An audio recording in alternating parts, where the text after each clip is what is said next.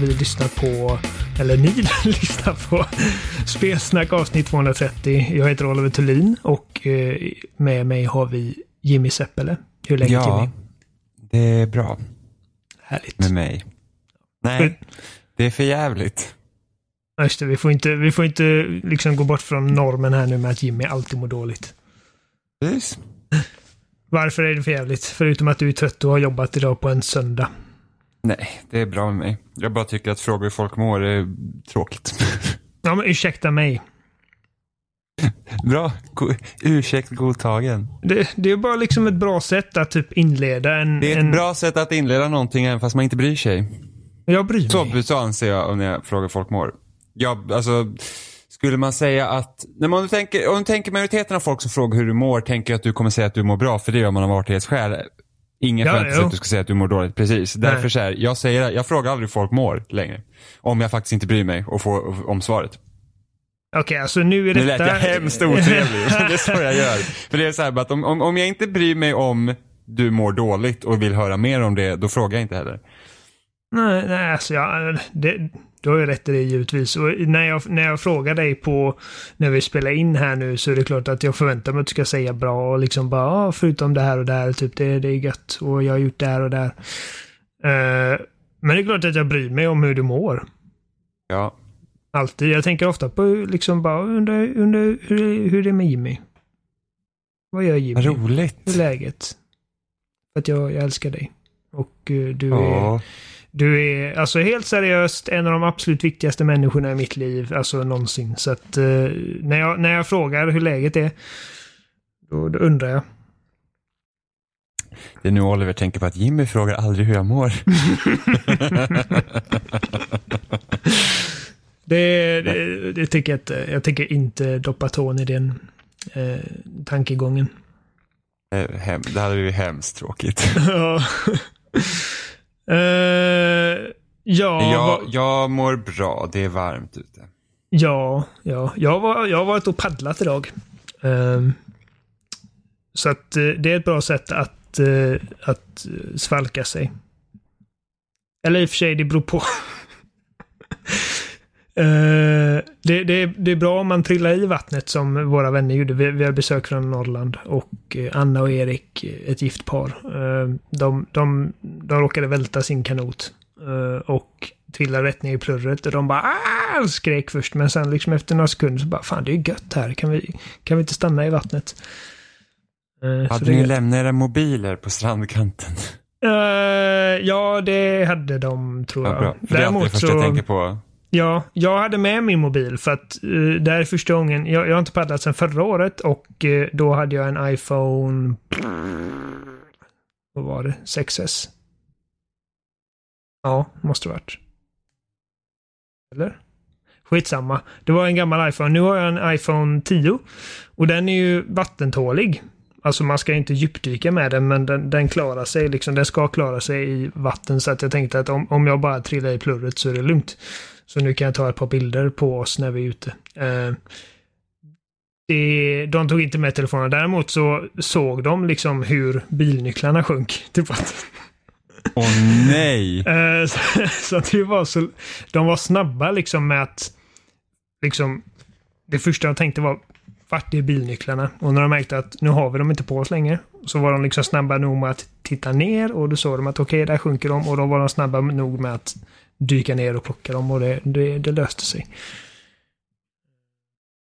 Men det var kul. Paddla är kul. Ehm, jag, jag har faktiskt gjort en hel del sen, sen uh, ni hörde från mig här. Nu, nu har jag missat två veckor.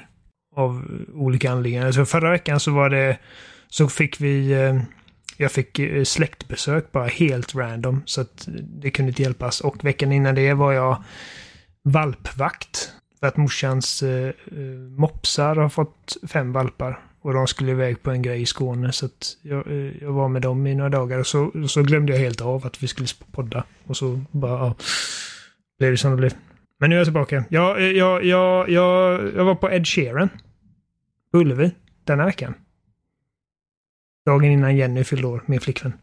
Och det var kul bra artist. Eh, typ gatumusiker som spelar för 65 000 personer två dagar sträck. Det var, det var mäktigt. Men annars eh, har jag nog inte haft så mycket för mig. Jag har inte spelat några nya spel i alla fall. Det är något som är säkert. Jag har, spe jag har spelat om alla Batman Arkham-spelen.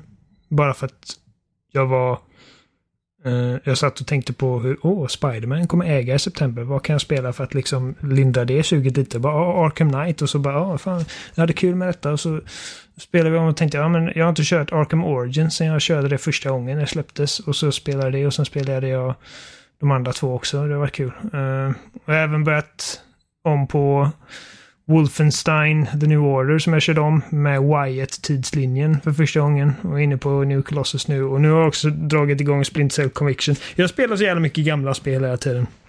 Jag har inte tid för att spela nya spel.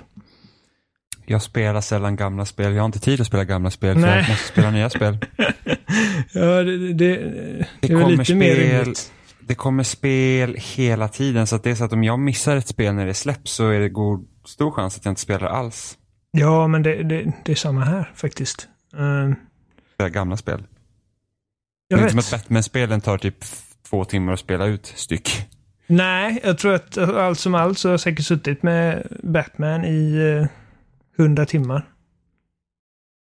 Alltså totalt med alla genomspelningar eller nu? Alltså... Nu. Är de så långa? Jag har inte spelat om Nej, ett enda Batman-spel. Jag har bara gjort... ut dem en gång.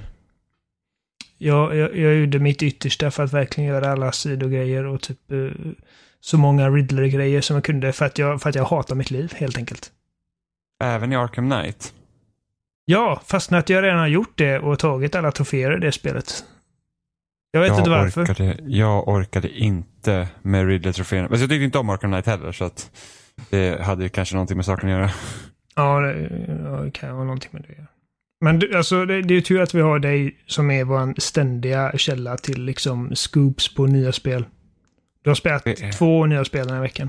Jag spelar ju ofta nya spel för att jag ska ha någonting att prata om. Jag spelar inte för att jag vill spela, jag spelar för att jag ska det kunna köta. Det finns gånger jag inte gärna hade spelat ett nytt spel men känner att jag måste spela ett nytt spel så att jag faktiskt hänger med. Mm. Eh, nu har jag haft några veckor där jag typ har haft Hollow Knight. Det enda som jag typ har spelat. Åh oh, gud, jag, jag, alltså, jag köpte det på din rekommendation, spelade ja. ett par timmar och sen, alltså jag har inte alls fastnat i det Jag spelet. fattar inte. Jag kan utan tvekan säga att Hollow Knight är ett av de bästa spelen som någonsin gjorts. Men det, det känns som att du säger det jämt. Nej. Så fort det kommer något så här side-scroller. När, när, när sa jag det sist? Uh, Celeste. Ja men Celeste är skitbra. Du sa bokstavligen det. Alltså det är ett av de bästa spelen som någonsin alltså, har gjorts. Så, här, så, här, så fort det Cel kommer en side-scroller, liksom såhär indiespel, side-scroller, de hoppar runt, så är det typ det, det bästa som någonsin har hänt i ditt jävla liv. Du, vet du hur mycket, jag tar det lite med en nypa salt. Vet du hur mycket skräp jag har spelat innan jag kommer fram till guldkorn? Det är bara ni hör inte om det dåliga jag spelar. Nej, nej, det är klart. Celeste är grymt bra. Alltså det, det är fortfarande mitt, det är det bästa spelet som har släppts i år hittills. Mm. Eh, och det är bara Hollow för att Hollow Knight inte är hade nytt Hollow Knight år. släppts i år så hade det, det hade varit, alltså de tre bästa spelen jag spelat i år det är God of War, Celeste och Hollow Knight. Och Hollow Knight har inte släppts i år så det kan inte vara med på någon lista där sen. så det är lite synd. eh, men det, alltså det, det Nej, är det bästa Metroidvania-spelet. Alltså det är helt, alltså, jag hade inte ens förväntat mig att det skulle vara så bra. Alltså jag gick, jag gick in och bara, ja, men folk tycker att det är bra så det kan ju säkert vara kul. Liksom. Alltså, jag har ju spelat andra Metroidvanias där man börjar spela dem och sen så tröttnar jag efter ett tag. Mm. Men det är liksom, Ja, men alltså det är bara varenda gång man kommer till ett nytt ställe man bara what the fuck, jag trodde jag typ hade sett hela kartan det här är ett helt nytt område jag bara råkade hamna in i. Så får man, ja, det, det är bara så bra. Det, kan, alltså det är tre personer som gjort det spelet, det är helt sjukt. Men det kan jag tänka mig. Det är tre pers. Allting ser exakt likadant ut i det spelet. Det gör det inte alls, du har typ sett ett område. Ah, okay, han ser likadan ut, jag är i ett och samma rum. Helvete! Även när jag har kollat liksom typ recensioner och grejer, jag antar att de har liksom footage från stora delar av hela spelet. Så är det bara allting, allting är bara lila och man slår på insekter i princip. Det är typ, det är typ som att säga, åh gud, han Uncharted är bara djungel.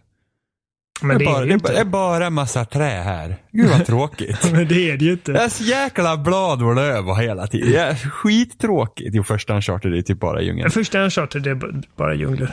Och något Ja. tempel någonstans. Men eh, de andra spelen så har vi ju bara i trean har vi ju, det var, vi har ju djungel, vi har den franska Ja, men jag sa, jag, sa, jag, sa, jag, sa, jag sa specifikt Uncharted. Ah, ah, okej, Det vill ja. säga ett. Uncharted Drake's Fortune, ja. Ja. Det är många, jag vet att många klagar men på det är- Dead Space. jo, men det Dead Space ganska- 1 klagade många också på att typ alla miljöer ser likadana ut. Och jag Men det tycker gör de faktiskt, inte. Det gör det visst det. Alltså för ettan fick ju Ettan fick ju stor kritik för att det var samma sak. Det var därför tvåan var typ på en rymdstation där det var flera olika, Men säga, alltså, biomer. det här kommandobryggan ser inte ut som deras trädgård, exempelvis. Jag gillar hur du generaliserar först och sen blir du superspecifik. Ja, men alltså... Det var så här, nej, alltså likadant ut i det här spelet. Sen bara, ja men folk sa det om Dead Space. Du har kommandobryggan och sen har de en trädgård. det är precis som att säga, ja, vad är Shovel Knight? Du har sett typ ett lilla område. Det finns också en trädgård i Shovel Knight. Sen har du typ ett stort palats och sen har du typ underjorden. liksom. Du menar Hollow Det är ju bra att det finns en genomgående stil i ett spel. Det är det min poäng är. Därför jag störde mig inte på att Dead Space 1 var likadant. För att det var det här rymdskeppet och allt ska kännas likadant. För att det är en och samma rymdskepp. Ja, precis. Det är inte som att man går i, det är inte som att man åker Finlandsfärja och sen bara, ah men fy fan den här jävla sammetsmattan som finns på alla våningar, fy fan vad dåligt. Mm. Nej. Det jag menar. Så att, eh, allt ser inte likadant ut. Men Nej, Hollow alltså, Knight som är sagt, ett jag- jättebra jag- spel. Jag måste, jag måste spela mer av det helt enkelt. För att det känns som att eh, jag missar någonting. Ja, det är fantastiskt. Men eh, jag, jag spelade...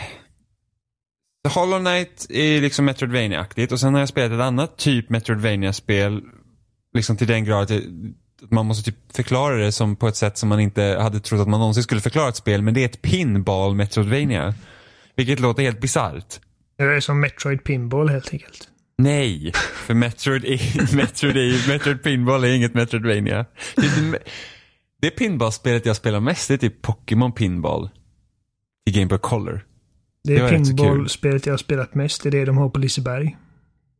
Då hade de ett, man fick ett rumble pack med den så att, så att hela eh, Gameboyen kunde, kunde vibrera. Och sen Just är det här, eh, heter det nu, det som fanns typ på Windows XP och Windows 98, det som DICE har utvecklat. Det pinballspelet jag har spelat så mycket också. Det är det här med någon gubbe i ett rymdskepp. Ja, Ja. Det är rätt så. Men det här är i alla fall, det heter Jokers Island Express. Eh, och man spelar som en liten typ skalbagge som kommer till en ö som ska ta över, alltså han ska bli typ den nya brevbäraren för ön. Mm. Eh, och så går han och bär runt på en liten stenkula av okänd anledning och så är den här världen liksom, det är liksom små typ pinballbräden som är ihopsatta. Nästan. Så du har de här flippersarna och typ eh, sådana här runda ringar som bollen studsar mot och så, så skjuter man iväg sig och så tar man sig igenom liksom världen på det sättet. Det är liksom, det är en väldigt rolig idé. Det låter helt obegripligt. Men- Jag kan men inte ens föreställa mig hur det ser ut. Nej, alltså det, det är väldigt fint. Det är svenskt också. Vilket är rätt så kul. Det har fått väldigt bra eh, liksom, kritik när det släpptes i maj. Men så Alltså typ storymässigt är det liksom inget speciellt. Man kommer till den här ön, typ den stora guden för ön är typ sjuk och sen så ska man samla typ tre ledare och så ska de typ hjälpa till och få den bättre. Någonting sånt. Jag fattar inte så mycket. Jag, jag hängde inte riktigt med i storyn för att jag spelar mest bara för att det var roligt. Eh, men just det, jag undrar liksom om man kommer på en sån idé. Som att ja, vi ska göra ett Metroidvania med typ pinball. För att du har ju inte den här liksom, alltså stor behållning i pinball förutom att det är kul typ att skjuta bollar så är det ju det att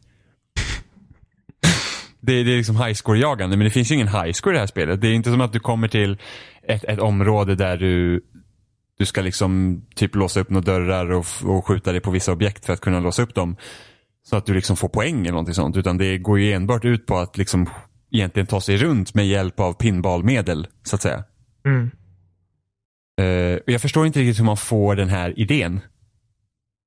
Och känner liksom att hmm, det här är någonting vi ska utforska. Borde ta reda på de här människorna och sen bara fråga liksom, vad, vad, vad, vad var det som hände? Vad, vad, vad kom den här tanken ifrån? Vad sa att det hette? Hur stavas? Eh, Jokus Island Express. Så Y-O-K-U apostrof S och sen Island Express. Yokes Island Express. Jag försöker bara googla fram så jag får en bild på det bara för att jag, jag kan inte ens liksom... Jag kan inte visualisera hur det ser ut. Alltså det är, det är färg, färgglatt, det har en ganska nice stil till sig. Ehm, Ja, väldigt så här stilistiskt nästan. Så Ja, verkligen. UB-art. ehm, Ja, men lite så faktiskt. Och, och, och, och jag visste inte att det skulle se ut så för att när liksom man tittar på det så här snabbt bara liksom förbifart så tänkte man att det är väl någon så här typ den typiska 2.5D-varianten. Liksom, att det kommer se lite halvdant ut och, och, men har en rolig idé till sig. Men det, det såg ju faktiskt snyggt ut också. Ja, det ser bra Eh, och så tar man sig runt på den här världen och så får man liksom nya förmågor precis som i vilket Metroidvania så kan man liksom ta sig vid, liksom komma djupare in i världen. Det är inte lika stort som Hollow Knight. Liksom Hollow Knight har jag spelat i snart 30 timmar och jag har inte ens gjort allt i det. Medan Mm. jag har gjort 70 82% i Jokers Island Express och jag spelar kanske 6 timmar. Så det, det är betydligt mycket mindre. Eh, det är ju inte helt utan sina problem heller. Liksom, att många av bossarna så är det typ den här klassiska, gör det här tre gånger utan att du egentligen Alltså du som karaktär är inte i någon fara och liksom under bossstriderna så, så alltså bossen ändrar sig inte ens heller. Så att det är liksom, du gör bara samma sak tre gånger.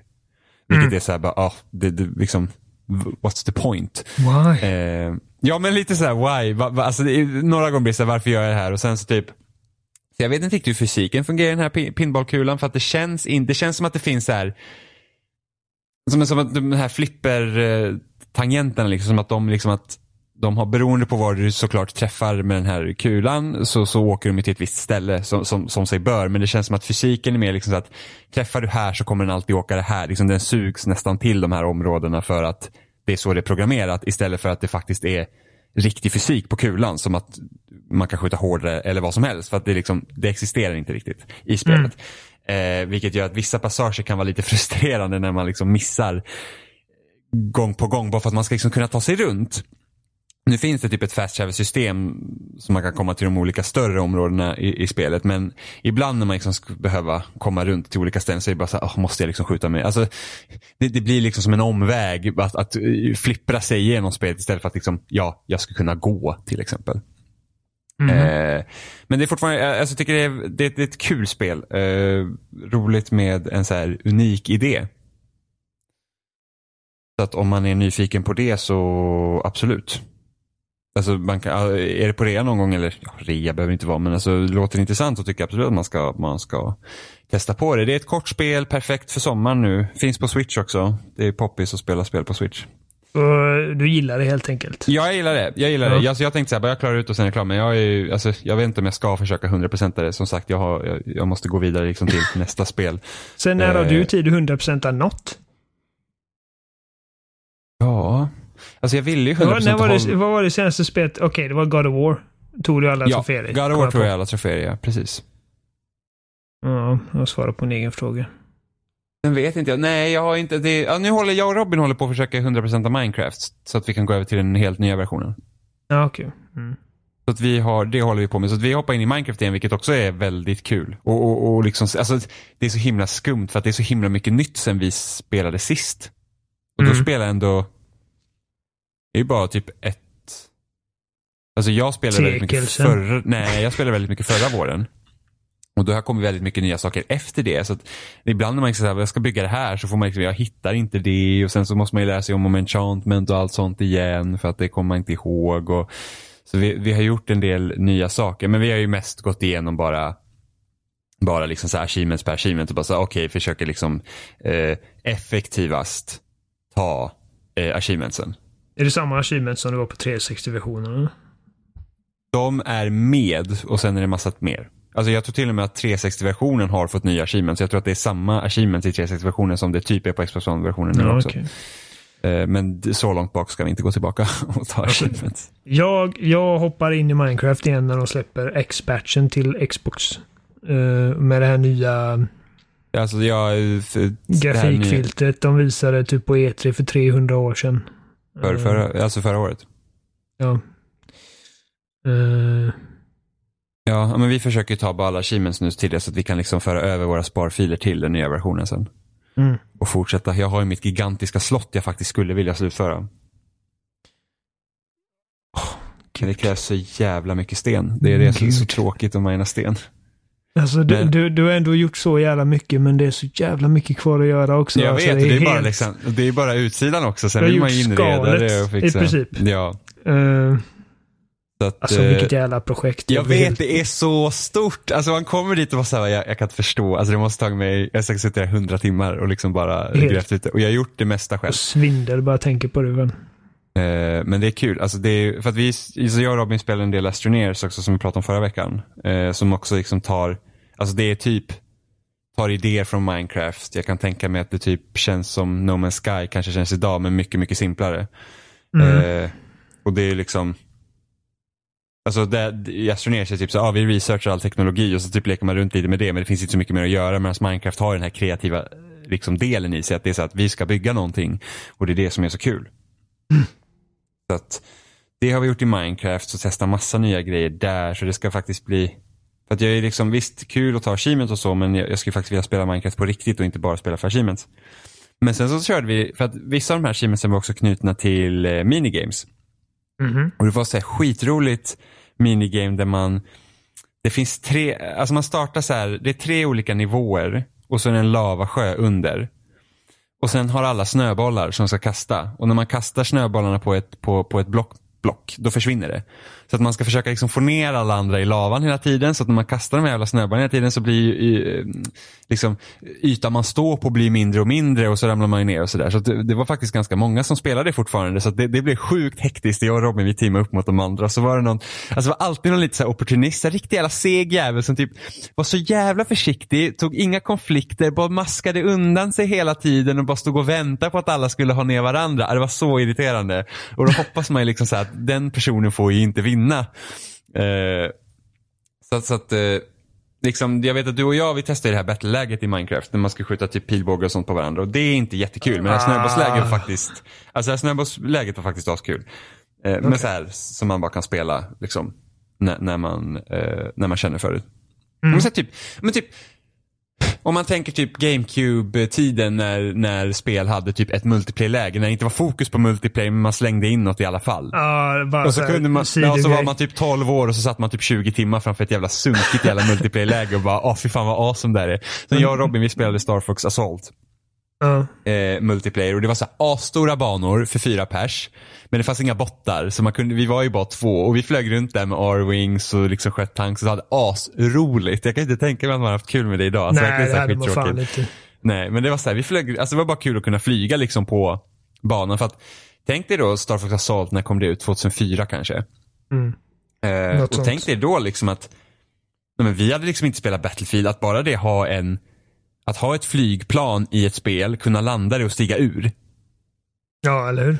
Liksom bara var den grejen var jättestor då och liksom så peppade som vi är på jetsen i Battlefield 3. Ja, Och man det. oh my god, man kan, man kan köra jet. Ehm, så, ja, spela en del multiplayer Donkey Kong 64 också. Astråkigt eh, när jag tänker efter. Men, men när man var liten, ah, vi spelade med Perfect Dark Zero spelade vi multiplayer och tyckte att det här är ju asroligt. men det var, det, var, alltså det var innan man hade spelat Halo 3 typ, det var horribelt. Ja, när man var yngre, alltså man var inte lika kräsen med vad man eh, stoppade i sig, jag på att säga. Eh, Man är ändå, äh, nej, alltså typ, jag köpte fan Pirates of the Caribbean at World's End till Wii. Alltså, Ah. Är Wii. så himla, alltså himla, alltså man, man Jag kan tänka inte, mig var riktigt såhär sunkskit alltså. Alltså det var ju så här, det fanns ett duelleringsläge i det. Som man stod mot varandra eh, och så skulle man fäktas. Du behövde bara skaka kontrollen hela tiden och man var en ställmate. Det, det är liksom ingen kunde vinna. Det var helt omöjligt. Så jag och Robin, vi satt, vi var så trötta, hade ingenting att spela. Vi satt en natt och bara så här skakade på kontrollen. Och bara så här, någon Ja, gång kanske gud. det, någon gång kanske du vet, det, det liksom att spelet gör ett misstag så att man får in en träff på den andra. Men, men det gick inte. Det, liksom, det, det bara höll på. Eh, så det, alltså, alltså, men fruktansvärt var det faktiskt. Orka. Ja. ja, men det är så här, man hade, på den tiden det inte släpptes lika mycket spel, så man hade kommit till den punkten att vi har ingenting riktigt att spela och så tog man bara någonting och så satt man i flera timmar i det. Eh, Det var ett spel eh, som eh, jag fick min mamma att köpa till mig när vi var på Ullared.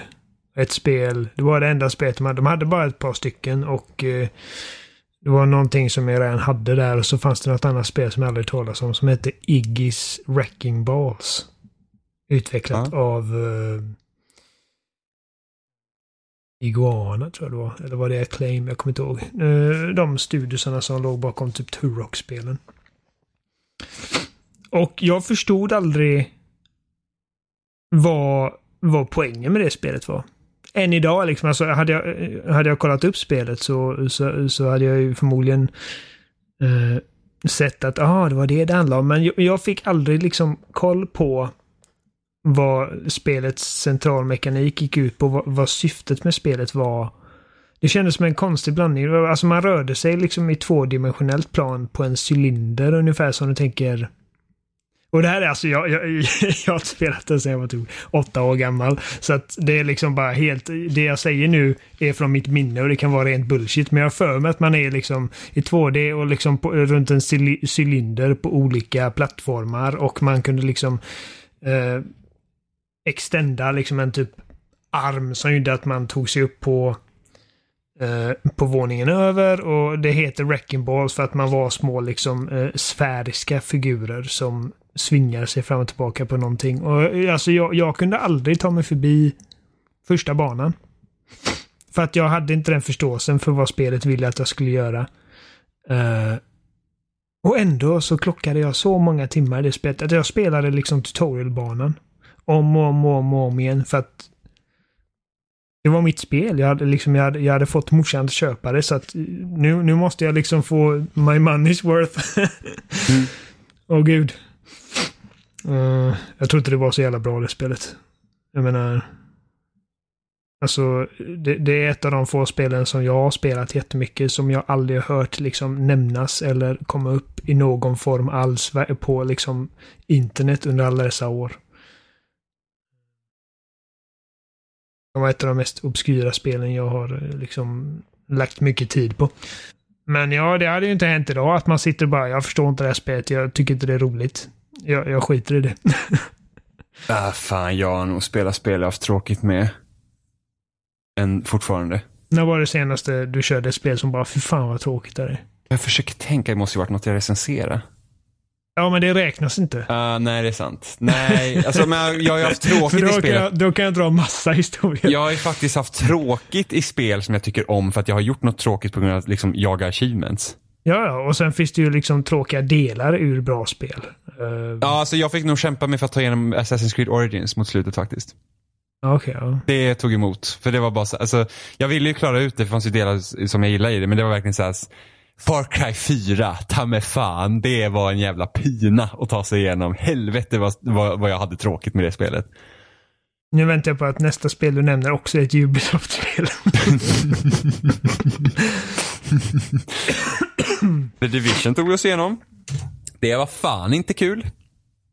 Nej, det får, får jag väl ändå säga att det, det, jag, är inte, jag är inte ett fan av Division. Um, Det var, det, det, det...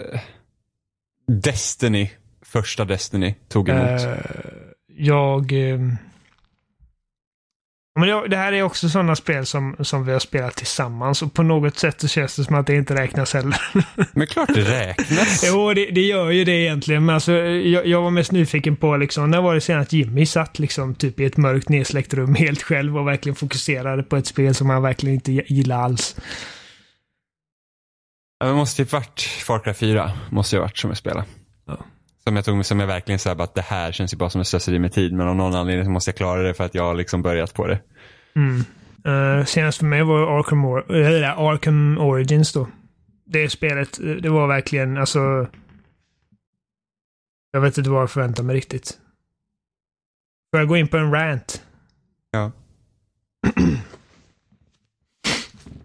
Alltså allt som är bra med det spelet är grejer som är direkt rippade från vad, eh, från vad Rocksteady har gjort givetvis. Alltså, eh, det är ju så det funkar såklart. Och det här är ju liksom en studio som förmodligen på uppdrag av Warner Brothers eh, liksom eh, ja, fått i uppdrag av Warner Brothers att nu, nu, vi behöver liksom, vi, vi vill gärna få ut ett Batman-spel till den här generationen innan Eh, det är dags för Rocksteady att släppa liksom den sista delen av trilogin. Typ Det var många PS4. utvecklare som körde den grejen för, mot slutet av förra generationen. Ja, och de var ganska öppna med det också. War Alltså. Judgment, Ja, God of War Ascension. jag kommer ihåg Rod Ferguson sa det liksom i en intervju bara. Alltså vi satt där runt ett bord och bara tänkte vore det inte kul att få ut ett till Gears of War den här generationen innan det är slut liksom. Ungefär som att vi, vi är helt öppna med att liksom idén till det här spelet inte kom från något, liksom, någon passionerad Fast, fast, samtidigt, för, för att ge Judgment lite cred, så var det ju faktiskt annorlunda mot de tidigare Gears. Det var ju inte som att det var bara Gears 3 igen. Du hade ju hade ett helt nytt läge som var asroligt och sen så var ju kampanjens struktur var helt annorlunda. Overrun ägde, verkligen. Ja, och sen, hade du och sen kampanjens struktur var helt annorlunda. Med att du liksom kunde sätta på de här, ja men inte bara hur det bara berättades, men också att du kunde ha de här, liksom typ, vad ska man säga, nästan som skulls liksom i kampanjen där det blev svårare. Jag vet. Helt Och- trasigt på Insane dock. Det var fan, det, det, det funkar inte på Insane. Det, det, Jag spelar aldrig det på Insane. Jag bara... Klar, alltså, jag, det- jag och Gustav klarade det på Insane, men det var, fan det. det var, det var många delar där Kan man du verkligen fick nämna vad alla de, alltså, vad alla de karaktärerna heter? Det, det, är ju, det är ju Bear the Cold, men vad heter de andra två? Kommer du ihåg Ingen, a- ingen aning. det? Det var någon Ryss 1 rödhårig brud 2. och någon ryss. Ja, typ. Ja, det var, det var weird. Men alltså det var, det var många gånger man fick manipulera spelet och inte spela som man faktiskt ska göra för att det var inte gjort för att ha de här svåra grejerna på Insane. Eh, det var lite jobbigt.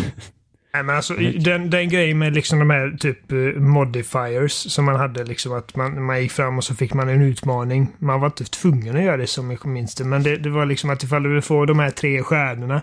Vilket gjorde också att hela det spelet kändes som ett enda stort arkadläge. Snarare än eh, liksom näst, typ en, en, en ordentlig del i berättelsen om de här människorna. Ja, men Tom, Tom Bissell som var en av de som skrev spelet, han sa ju liksom det att hela tanken med Judgment var ju det att folk eh, Alltså de trodde att folk ville ha de här stora setpiecesen och det var hela tanken med det här modify-systemet var ju det att då kan man liksom Typ, ja vi vill ha det lite svårare, kanske lite mer episkt och då, då, då får liksom man välja själv hur man vill ha det. Och tänkte att om det är Gears of War, folk bryr sig inte så mycket om storyn. Vilket är fel, för att folk bryr sig mer om storyn i Gears än, än, än vad de trodde och det, det är liksom vad de sagt. de underskattar det. Ehm, precis. Eh, och, och precis med, med God of War Ascension så, så hade de ju också ett multiplayer-läge för första gången i den seriens historia som faktiskt, det, det kändes som att det faktiskt låg liksom tankekraft bakom det läget även om det inte liksom fick fart som de hade hoppats på givetvis. Men det känns också som båda, båda de grejerna som gör de spelen till de mer unika delarna i sina respektive serier är sånt som har, liksom, har tvingats fram. Du vet, snarare, alltså det känns inte som att någon har, eh, har suttit på utvecklingsteamet och bara alltså, jag har kommit på en skitbra idé för ett liksom utmaningssystem som man blir gradad på i tre stjärnor som hade passat perfekt för Gears of War. Utan det känns mer som att vi måste ha ett nytt Gears of War. Vad kan vi göra för att liksom särskilja det? Förstår du vad jag menar? Uh, Men jag undrar om inte, vad hette det nu? Overrun? Var det så det hette? Overrun, ja. ja. Ja, jag tror, för att det, det kom ju rykten innan Judgment utannonserades, typ ett år innan, att, att Mm. det liksom var någon expansion på väg till Gears med ett nytt läge. Eh, så jag undrar om inte Overrun började som det. Att det skulle till Gears 3 och sen så, ja men vi gör ett nytt spel och så lägger vi in det där istället. Ja, det, det är absolut möjligt. Alltså, för att ett av de nya lägena till Gears of War 3 var ju Beast. Där man fick spela de här monstren för första gången. Man fick spela clickers och Ja, det var typ, det var typ uh, inverterad berserkers. hård. Ja, precis. Det var ett, då, då körde man liksom mot bottmänniskor. Så att det var ju det var många fans som sa liksom att det vore skitkul att köra att ha liksom att man har ett, ett, ett lag som spelar de här monstren och ett annat som kör uh, KOG-soldaterna. Och det var det Overrun var. Ja, och det är det som, och just det här med att du har liksom, att både människor och monster är styrda av människor. Det är liksom Ja. för tankar till Left 4 Dead. Ja, Alltså det, alltså nog för att Left 4 Dead när man kör single play eller single play man kör liksom bara co-op kampanjen att, att liksom Mm. att datorn är läskig liksom för att den är bra. Men att The möta Director, ett, som men att, men att möta ett team med bra människor är desto läskigare. Kommer du ihåg Ja. den gången Ja, vi körde jag vet vi, vad du- jag gud, vi, vet, kör, ja. vi, kör, vi spelar Left 4 Dead 2. Vi, alltså det, det är så här typ jag och Oliver känner varandra, vi spelar Left 4 Dead 2. Ja. Left 4 Dead överlag. Det var liksom, vi bondade över det. Jag, Robin, Oliver och Sebbe. Även Gustav Yes. var ju med. Ja, precis. Ehm, och, och vi körde versus. Alltså, Och vi mötte ett lag som var så jävla bra som, alltså inte nog med att de var bra som människor, alltså det var verkligen så här, när de fick starta som människor, det var bara upp med den där dörren och sen bara sprang de. Var det någon vän som hamnade down, det var inte ens något att titta bakom sig för att ens Mm, försöka hjälpa, Och man- utan det var bara så här, fuck you, sucka, every man for himself dem, och så alltså. bara sprang liksom. Och så springer man där, lyckas spana fram tanken, tänker man nu jävlar ska de få och de bara springer och man kommer liksom inte ikapp. Man, man Eh. fick, vi fick inte stopp på den. Alltså, och för de, då, de, de typ tre människorna i hela världen som inte vet vad Left 4 Dead är. När man spelar Versus så turas man om att spela fem, eh, fem kapitel ur den här särskilda kampanjen. Man, man, ska, man ska komma så långt som möjligt i liksom, du, du spelar en kampanj, det är fem del, kapitel i en ja. kampanj och du ska komma så långt som möjligt. Och som monster ska du försöka stoppa människorna och sen så byter man plats och ska man Precis. försöka komma längre. Eh, Eh, och de var alltså hur bra som helst som människor. Men det var alltså den riktiga magin hände ju när de var zombies. när, när de var som, ja, för att det var så här, man kunde höra dem i spanrummet när de ställde sig typ utanför och bara vänta. Och det värsta var ju, det var inte som att de Man hörde stod vid, boomen bara... Ja, och det var ju så här, och, och det var ju liksom inte som att de stod utanför spandörren så att när vi öppnade så blev man helt liksom överväldigad. Utan de ställde ju sig på strategiska ställen på en Ja. gång. Det var liksom inte bara så här, ja vi kör över dem liksom och bara äcklar oss. Utan det var verkligen så här, vi spelar det bästa vi kan. Och du vet, man öppnar dörren och man går ut och hör man bara och sen så blir man liksom påhoppad. Det fanns liksom inte en chans att klara Nej. sig. Så det var, Vi blir sönderägda med Alltså, Alltså, det så var- fort vi öppnade dörren så var det som att man hade liksom öppnat porten till helvetet. ja, alltså det, det var liksom, man var rädd för att gå ut. Det var Det liksom. var asläskigt när man Det står där i safe sjukt roomet. jävla Precis, läskigt. man bara okej alltså. Det gick inte så jättebra på förra rundan men nu, nu håller vi ihop och liksom nu kör vi så hör man liksom precis innan, innan man ens har gått ut i det hela safe roomet så hör man bara Ja. Alltså jag vill så himla gärna ha ett Left 4 Dead 3. Alltså tänk nu är det, Ja, alltså nu är det åtta år sedan Left 4 Dead. Det är nio år sedan sedan Left 4 Dead 2 kom. För det kom ju Ja. 2009. Alltså inte bara det, det har hänt saker tekniskt. Mm. Alltså vad hade man kunnat göra med ett Left 4 Dead idag? massor. Ja, så det är liksom, jag känner, och liksom den typen av, den typen av multiplayer har vi inte riktigt fått. Den här generationen. Nej. Så att De det, jo, i och för ju sig. Nu Wolf, ljuger men- jag lite. Det finns ju det här Warhammer Vermintide. Ja, just det. Ja. Eh, Som jag aldrig har testat. Nej, jag vet. Tvåan kom ju precis ut på, på konsol. Så jag, jag är fan Mm. sugen. Men det är bara att det är väl bara typ du och jag som spelar och det är inte samma sak. Man vill ju vara ett Nej. fullt team liksom. För jag har Eh. Vermintide 1 för det var gratis med Xbox Live Guld Mm, för några månader sedan. Men det är så att nu när tvåan har kommit ut då kanske man skulle hoppa på det på en gång. För det är säkert fler folk som spelar det. Sen är det liksom att jag, jag vill ha Left 4 Dead. Jag är inte investerad i Warhammer-universumet. Jag menar, jag, jag, är det kul så är det kul. Jo, det är det ju givetvis. Men det är just den här tröskeln som ska tas över innan man har blivit ett fan av det. Ja men jag känner så att vi borde, det är därför vi borde typ vara fyra stycken. Så sätter Ja. oss ner och spelar det tillsammans. Liksom för att det är så att, Mm. ah, okej jag kan börja, du kanske spelar lite och sen så blir det ingenting. Nej, men alltså, Ja. Jag vill ha Left 4 Dead 3 mer än vad jag vill ha Half-Life 3. Alltså. Ja, det gud. är Ja, säkert hädelse för många, Man- men alltså... Men alltså, alltså det är liksom Valves heliga treenighet. Det är ju liksom Half-Life 3, Portal 3 och Left 4 Dead 3 som inte har kommit. Och Mm. alla de tre spelen hade man gärna sett.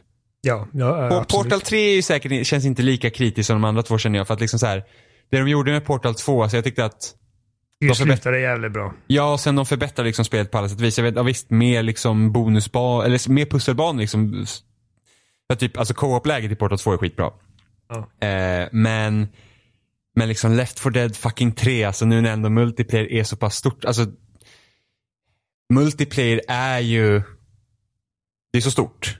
Ja, det är ju större än Liksom- det någonsin varit. Ja, precis. Det är liksom, Eh. Folk är liksom hela det här med att nu alla konsolerna är ju alltid liksom online. Folk, alltså Fortnite är liksom just nu typ det största spelet i väst. Jag tror också Eh, att uh, Left 4 Dead är den typen av spel som inte riktigt hade behövt liksom kannibalisera på andra spel som är populära just nu. Ehm, det är inte som Fortnite, det är inte som Destiny. Alltså Left 4 Dead är som Left 4 Dead. Det är som man säger, Vermintide jämförs direkt med Left 4 Dead. Ja, men för att det är ju typ Left 4 Dead, det är ju typ, du, du, Mm. du, fast jag tror, Left 4 Dead är inte klassbaserat, det tror jag dock Vermintide är. Du spelar som klasser. Okej. och sen så, ja men. Det kan bli det, farligt. Du ska ju typ, eh, vad är det? Man ska typ bekämpa pesten i tror jag. Det är massa råttor och grejer i det spelet. Vermin. Ja, så jag har, liksom, jag har väldigt dålig koll på vad det faktiskt är. Men jag, jag, jag skulle vara väldigt sugen på att spela tvåan faktiskt. Vi borde nästan typ Men vi får dra igång i Vermintide 1 någon gång och testa och se hur det känns. Ja, fast tänk om Om inte många spelar det. Vermintide 1. Ja, jo, det är det. Jo, man kan ju testa. Ja, men alltså finns det typ jag vet inte ens om det är bara multiplayer, för Left 4 Dead var ju kul att köra även mot bottar, så att det är ju det. Mm. Så att ja, det, det man får testa någon gång helt enkelt. Men du, du skulle prata om Arkham Origins. alltså, jag känner mig som... Jag, jag har känt mig som Adam när jag har spelat detta. Och, och lite kontext. Adam är en eh, kille vi känner som är... Alltså han är den petigaste jävla anala människan jag någonsin träffat. Eh, han är extremt noga med att allting ska vara konsekvent och liksom homogent. Så att han gillar, han, han, tyck, han ogillar Halo Reach exempelvis för att storyn i det spelet eh, går i konflikt med hur den berättelsen behandlades i Erik Nylunds böcker. Er- Eric Nylund, jag vet inte. Han är nog inte svensk. Um, Han har nog svenskt påbrå. Ja, det, det låter som det. Eh, de här böckerna som berättade liksom hur händelserna på Reach gick till. Eh, och sen så kommer Reach-spelet och det går inte riktigt till så. Och då tycker han liksom att ah, men då, det, det, det stämmer inte med canon så att eh, det är ett dåligt spel. Eh, och... Eh, men alltså det finns massa exempel. Eh, han, han, poängen är bara att han är en sån liksom att han, han är väldigt noga med sånt. Och jag har aldrig riktigt brytt mig. Alltså jag vet att det var många som klagade på, eller många, det var, det var några stycken som klagade på eh, logiken i eh, den här enterhaken i Uncharted 4. Att helt plötsligt så har Nathan Drake den här enterhaken som är jätteanvändbar och versatile både i strider och eh, i traversal. Eh, och man fick se liksom hur han använde den som grabb tillsammans med brorsan. Men han hade inte de andra spelen. Men sen så känner jag att, bara, alltså vem bryr sig? De kommer på att åh, en entrake hade kunnat göra det här spelet mycket bättre än de föregående spelen, bla bla bla. Så att då lägger vi in det. Det är inte, jätte, det är inte jättenoga men för mig. Samtidigt som, precis som med Halo Reach, jag tycker att Halo Reach är ett av de bättre Halo-spelen. Eh, om inte den bästa kampanjen. Eh, så att när, när ett spel är så bra som jag tycker att Halo Reach och Uncharted 4 är, så sådana små detaljer stör mig inte. Däremot när vi har ett spel som Arkham Origins, som inte är så jävla bra, som inte liksom uh, utmanar serien på nya spännande sätt och liksom introducerar häftiga grejer, så blir jag så bara alltså, varför har han den här liksom mekaniska kevlar battlesuiten i Arkham Origins för att sen fem år senare i Arkham eh, Asylum gå tillbaka till den här klassiska typ superhjälte, alltså uh, serietidnings uh, kalsongdräkten han har. Kalsongdräkt. Ja, men alltså det, det är liksom, det, det är tyg, kalsonger, tyg och så en mantel på. Liksom. Och alltså det, det är den liksom klassiska typ se- serietidnings Batman-looken. Det är asbra. Men dräkten han har i Arkham Origins, som är en prequel, är, tar ju många fler eh, liksom design-hintar eh, från eh, Dark Knight-trilogin. Liksom det här mer realistiska, typ att Ifall du vill, om du ska gå ut och typ gå upp mot maffian på, eh, på nätterna så vill du ha ordentligt skydd, inte bara liksom en kalsongdräkt. Eh, varför? Och den här, de här liksom elektriska handskarna han tar av Discount Shocker, jag kommer inte ihåg vad han heter, Electrocutioner. Som är asbra i striderna. Alltså man kan liksom, han, han kan ju få upp de här med defibrillatorn. Eller det är typ som defibrillatorer. Som man slår igång i striderna och liksom typ i princip dubblerar sin eh, attack. Eh, damage i striderna. Varför skulle han överge de handskarna för kommande eh, spel? Och spelet utspelar sig i fem år innan Arkham Asylum. Och i, vid den här tidpunkten så dels så känner han, när spelet börjar så känner han inte Gordon än. Han har en usel eh, relation med eh, staden. De är rädda för honom. De vet riktigt, inte riktigt vem den här maskerade vigilanten är och polisen hatar honom. De vill absolut, de tycker att han är liksom lika då liksom de andra kriminella i Gotham. Uh, eh, han har bara varit Batman i två år. Han är en jävla douchebag och typ uh, säger till Alfred bara Jätteotrevlig mot alla. Och då är det alltså på, på de här fem åren som är mellan Arkham Origins och Arkham Asylum så ska han alltså ha träffat Dick Grayson. Tränat honom till att bli Robin. Och så sen ska Dick Grayson gå vidare från att bli Robin till... Jag väntar, var Jason Todd först? Jag kommer inte ihåg. Det finns tre eh, Robins i den här... I, My i, fucking god superhjältelår. Det var såhär, det här Robin, vänta nu. De var tre. Det finns... Eh, Okej, J- Jason Todd kanske var först. Det var han som blev liksom tagen av Joker. Och torterad. Och sen eh, liksom eh, skjuten. Och Batman tror att han blev mördad i princip. Uh, och han blir ju The Red Hood sen. Eller slash Arkham Knight. Uh, spoiler. och sen har vi Dick Grayson som är den akrobaten vars eh, familj dör. Och han, Bruce tar han under sin vinge och tränar upp honom till att bli Robin och sen så bryter han sig loss från Robin och blir eh, Nightwing på egen hand och eh, efter det så tränar ju eh, Batman upp eh, Tim någonting. Eh, jag vet inte vad han heter i efternamn men Tim heter han och det är han som är Robin i Arkham uh, City och Arkham Knight. Så han är ju liksom den yngsta av dem. Uh, Utöver detta så träffar han, i Arkham Origins så träffar han Barbara Gordon för första gången. Det är ju Gord, uh, James Gordons dotter. Och vi nördar vet ju att Barbara Gordon blir ju Batgirl under Batmans vinge.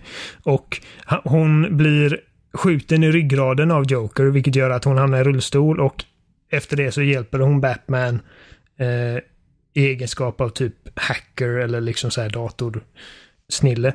Hon blev Allt Oracle, det blev där-? Vad sa du? Hon blev Oracle? Precis. Det, Mm. Ja, precis. Det är hennes eh, liksom eh, handle name antar jag. Allt det där, alltså fyra Robins.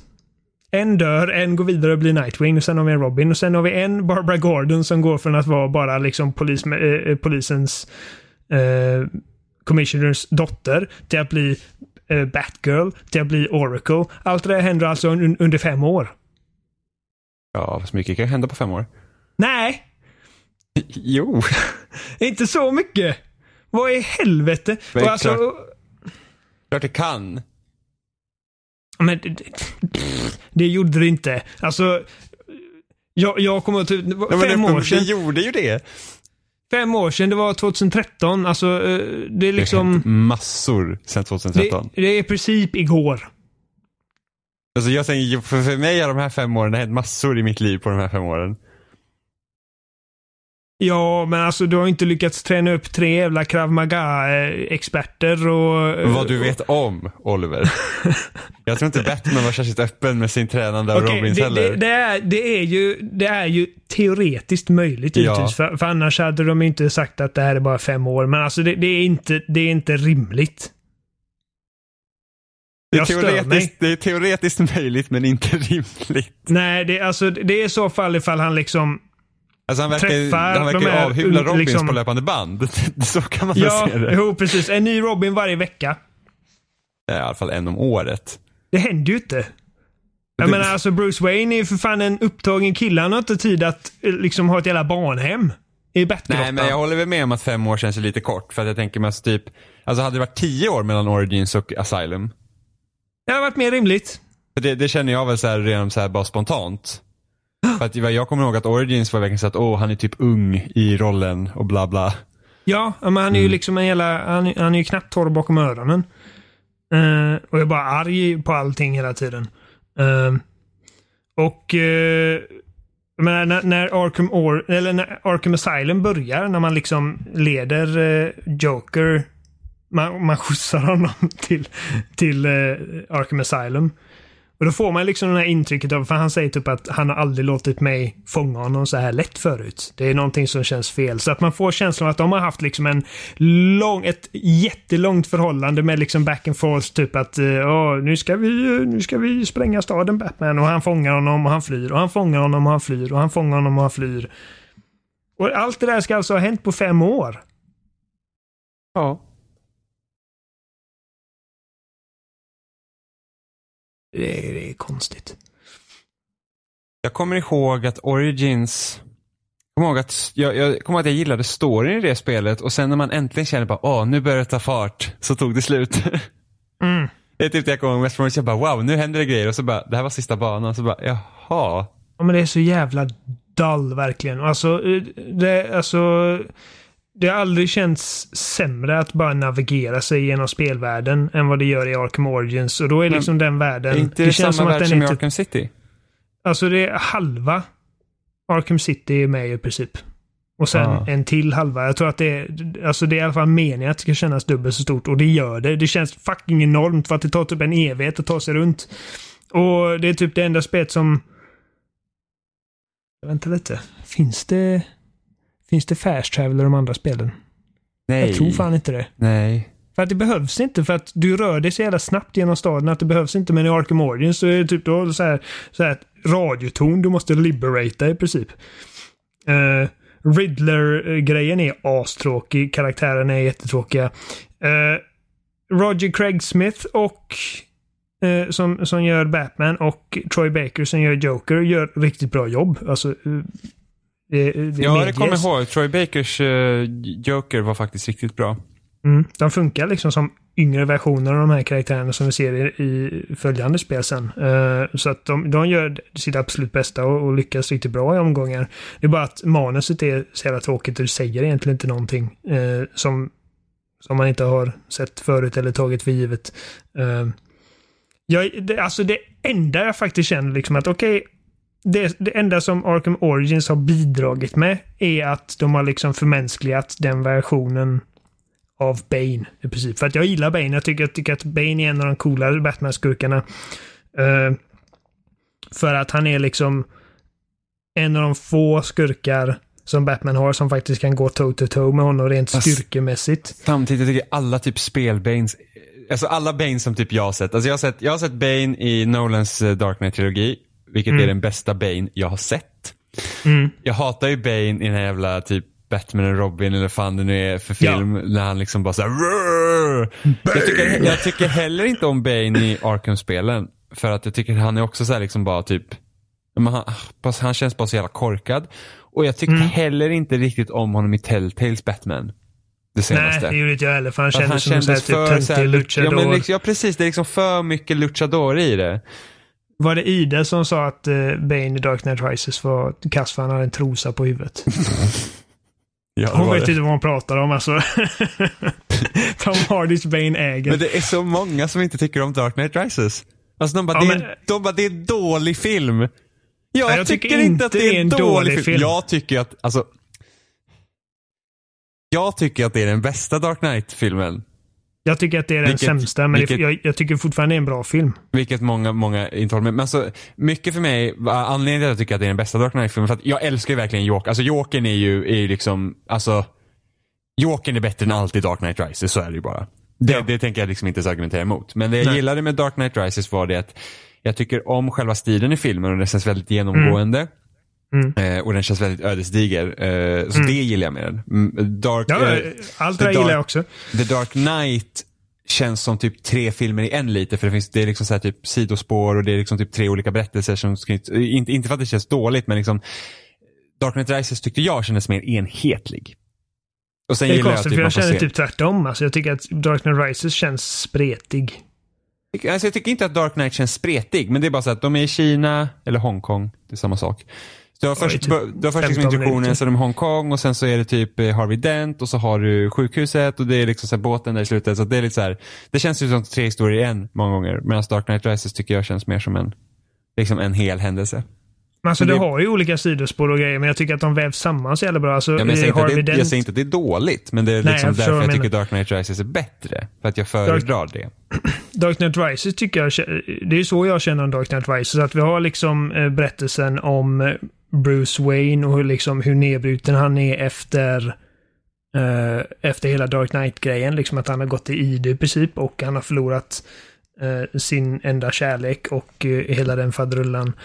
Eh, och vi har berättelsen om Bane. Jag menar, det, alltså, det är klart att man har antagonisten och, prot- och protagonisten. Det är fine by me. Men sen har vi också liksom uh, Catwomans grej. När hon går runt och snackar typ om att oh, jag, jag måste göra si och så för att överleva. Och hennes kompis som hon går runt med.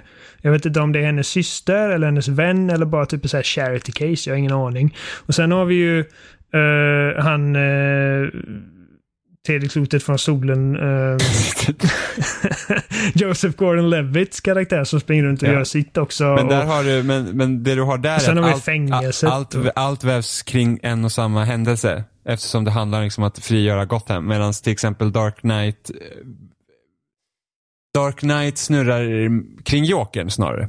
Kan man säga. mm. Det han Alltså- gör de här olika sakerna medan i Dark Knight Rises så har du en händelse.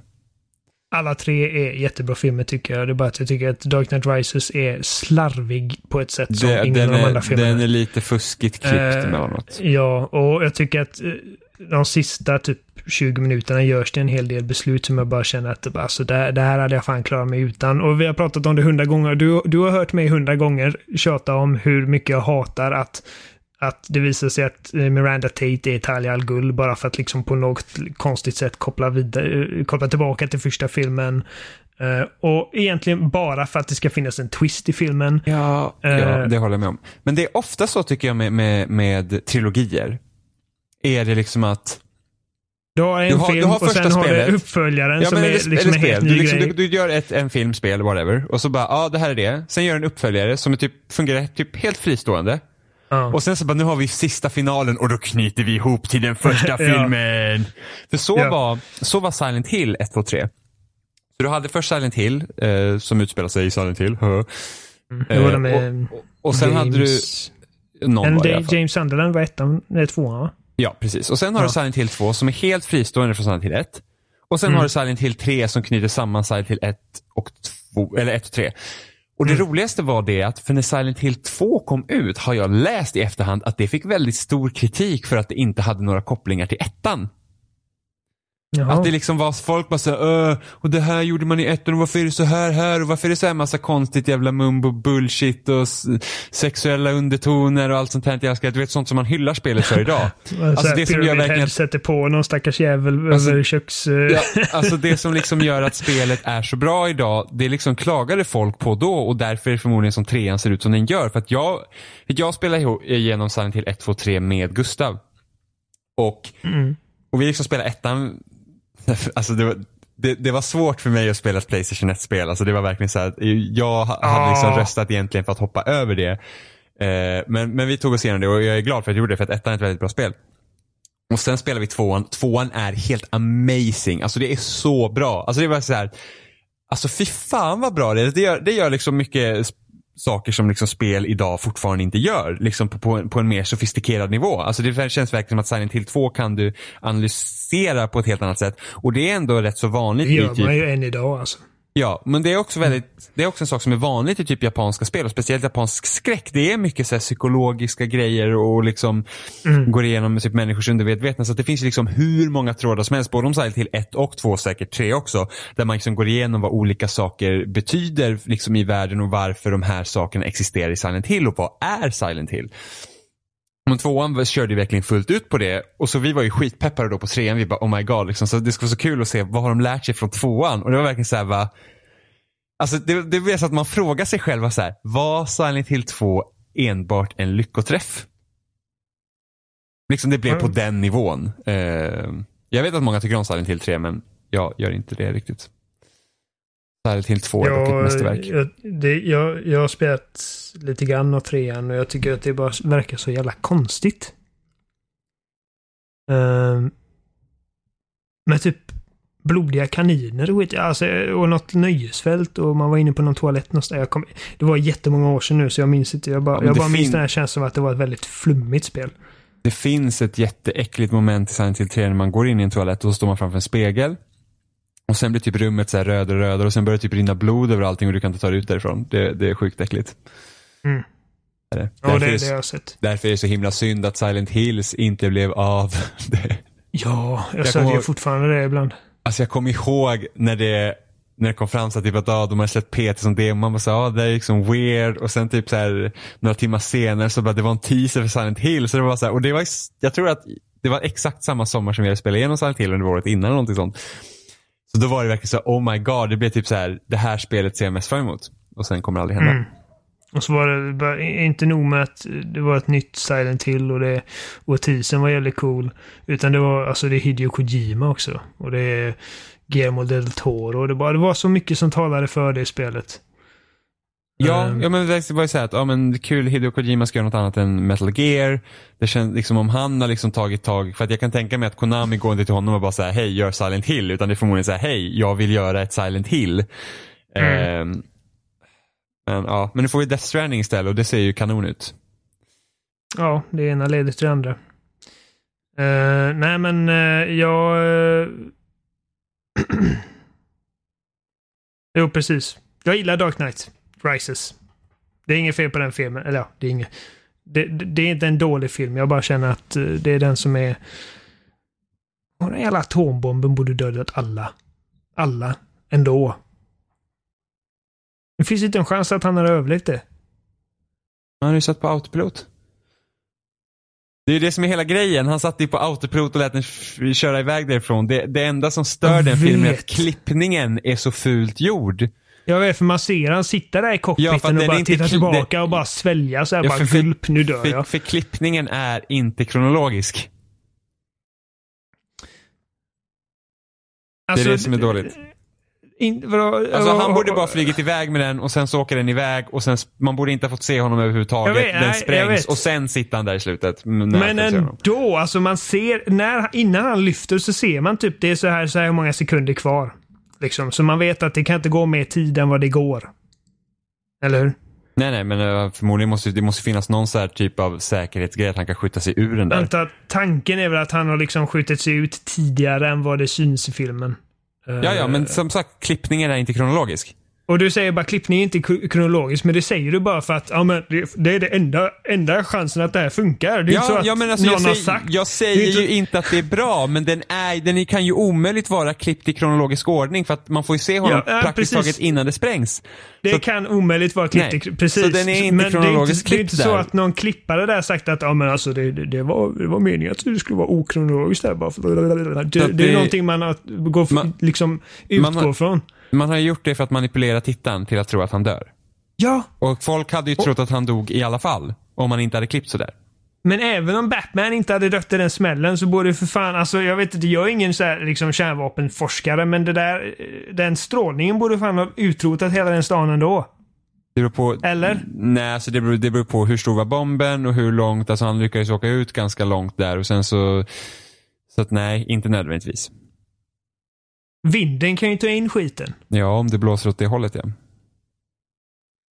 Men alltså, det, finns, alltså, det finns ju massa saker. Alltså, ta första filmen. Du har en maskin som, gör som, som skapar vattenånga. Ja. Alla borde ha dött. För människor är så här 60% gjort av vatten. Jag vet, men då kan man liksom då kan man typ säga så här. Bara, men vadå den, den, här den, den, den förångar bara vatten, den kommer liksom i kontakt med i sin rena form liksom. Fast det gör den ju inte eftersom den går genom rören. De har ju tåget som åker längs i vattensystemet så att de, vibrationerna går alltså igenom hela avloppssystemet. Jag tror väl att människor som typ är i närheten har väl lite större chans att typ koka sönder än att gå igenom vattenrören. Okej, ja, jo, ja, det- visst. Det är sant. Man, alltså vissa och, saker får man bara så här släppa och och, bara grejen köpa typ det. med telefonerna i andra filmen är också så här lite... Och, och, och, typ, och Batmans röst är bajsnödig. Jag tror min st- alltså, absolut största problem med Dark Knight Rises är, det är nog eh, hur, hur Bane bara liksom slängs åt sidan som en vante. Liksom att uh, han var en henchman i princip. Han var liksom inte hjärnan bakom någonting. Han var bara hennes livvakt. Ja. Och eh, liksom han var en så jävla bra karaktär. Han, var, han verkligen var så här larger than life. Han, han snodde varenda scen han var med i och verkligen hade sån grym presence. Och sen så bara, jag var kär i henne och hon var gärna bakom allt och jag låg med henne och så bla bla bla bla bla. Och så kommer Catwoman in och bara pff, blåser han till smithereens bara. Ingen, ingen fanfare där inte. Fast det stör mig inte så mycket för att det är fortfarande bara människor. Jag säger inte att han borde ha överlevt den blasten. Jag säger att det, det, det är dåligt att det är skrivet som så att han bara liksom sprängs åt helvete mitt i en mening. Liksom, men Han sen- får liksom ingen... Alltså Joker får liksom ändå ka- ganska coolt slut. Han är besegrad och han hänger där men han, han har ändå det här liksom att ja, men jag har ändå vunnit för att Dent är ett jävla monster nu. Bane är liksom bara "Åh! Åh! You'll have to imagine the fire. Och sen så... Sånt, sånt brukar inte störa mig överhuvudtaget. Han fick liksom ingen värdigt avslut. Nej, men han var ingen värdig person heller. Tänk om... eh, Han blev bortslängd precis som eh, Amanda, eh, Miranda Tate slängde bort han. Symboliskt. Tänk om, tänk om Darth Vader hade liksom dött på det sättet. Liksom att eh, så här, Sista fighten mellan eh, Luke och Darth Vader och så kommer typ Han Solo in och bara blastar han åt helvete. Bara, mm, well, you can deflect that motherfucker. Utan det, alltså, det, det är inte så... Ja, nej. Ja, men antagligen så boostade de inte upp den ens för att han var ju liksom inte slutbossen. Det var ju Miranda Tate. Han borde ha varit Jo, slutbossen. jo, men han var ju inte det nu. Nej, jag vet. Men han borde ha varit det. Fuck, fuck Miranda. Fuck Talia al Ghul. Ja, skittråkigt. Hon är tråkig i Arkham-spelen också. Eh, Ja. Jag har spelat ett annat spel. Eh, för Ja. det kommer ju spel typ till Switch hela tiden. Yes. Alltså, så jag köpte Octopath Traveler och jag köpte Toads Treasure Tracker för jag har inte spelat Toads Tre- Treasure Tracker till Wii U. Det var väldigt jobbigt att säga Toads Treasure Tracker. Ja. eh, så det är inte spelat Nej, så än. du har missat. Det är helt nytt för ja, dig helt precis. Så det är helt nytt för mig. Så det, det passar jag på att spela. Sen kommer nice. ett annat spel som heter Bomb Chicken. Som jag vill spela. Jag känner att jag måste nämna det här så att ifall jag glömmer bort att, att köpa det någon gång i framtiden så kanske någon som lyssnar bara, åh det där Bomb Chicken-spelet, det ska vi påminna Jimmy om. Så att man spelar, det är typ ett 2D-plattformsspel där man spelar som en fet kyckling som bajsar ur sig bomber. Och så, Ja. i- så att liksom man typ så här, man typ sätter åtta, alltså man, Såld! ja men det låter ju fantastiskt.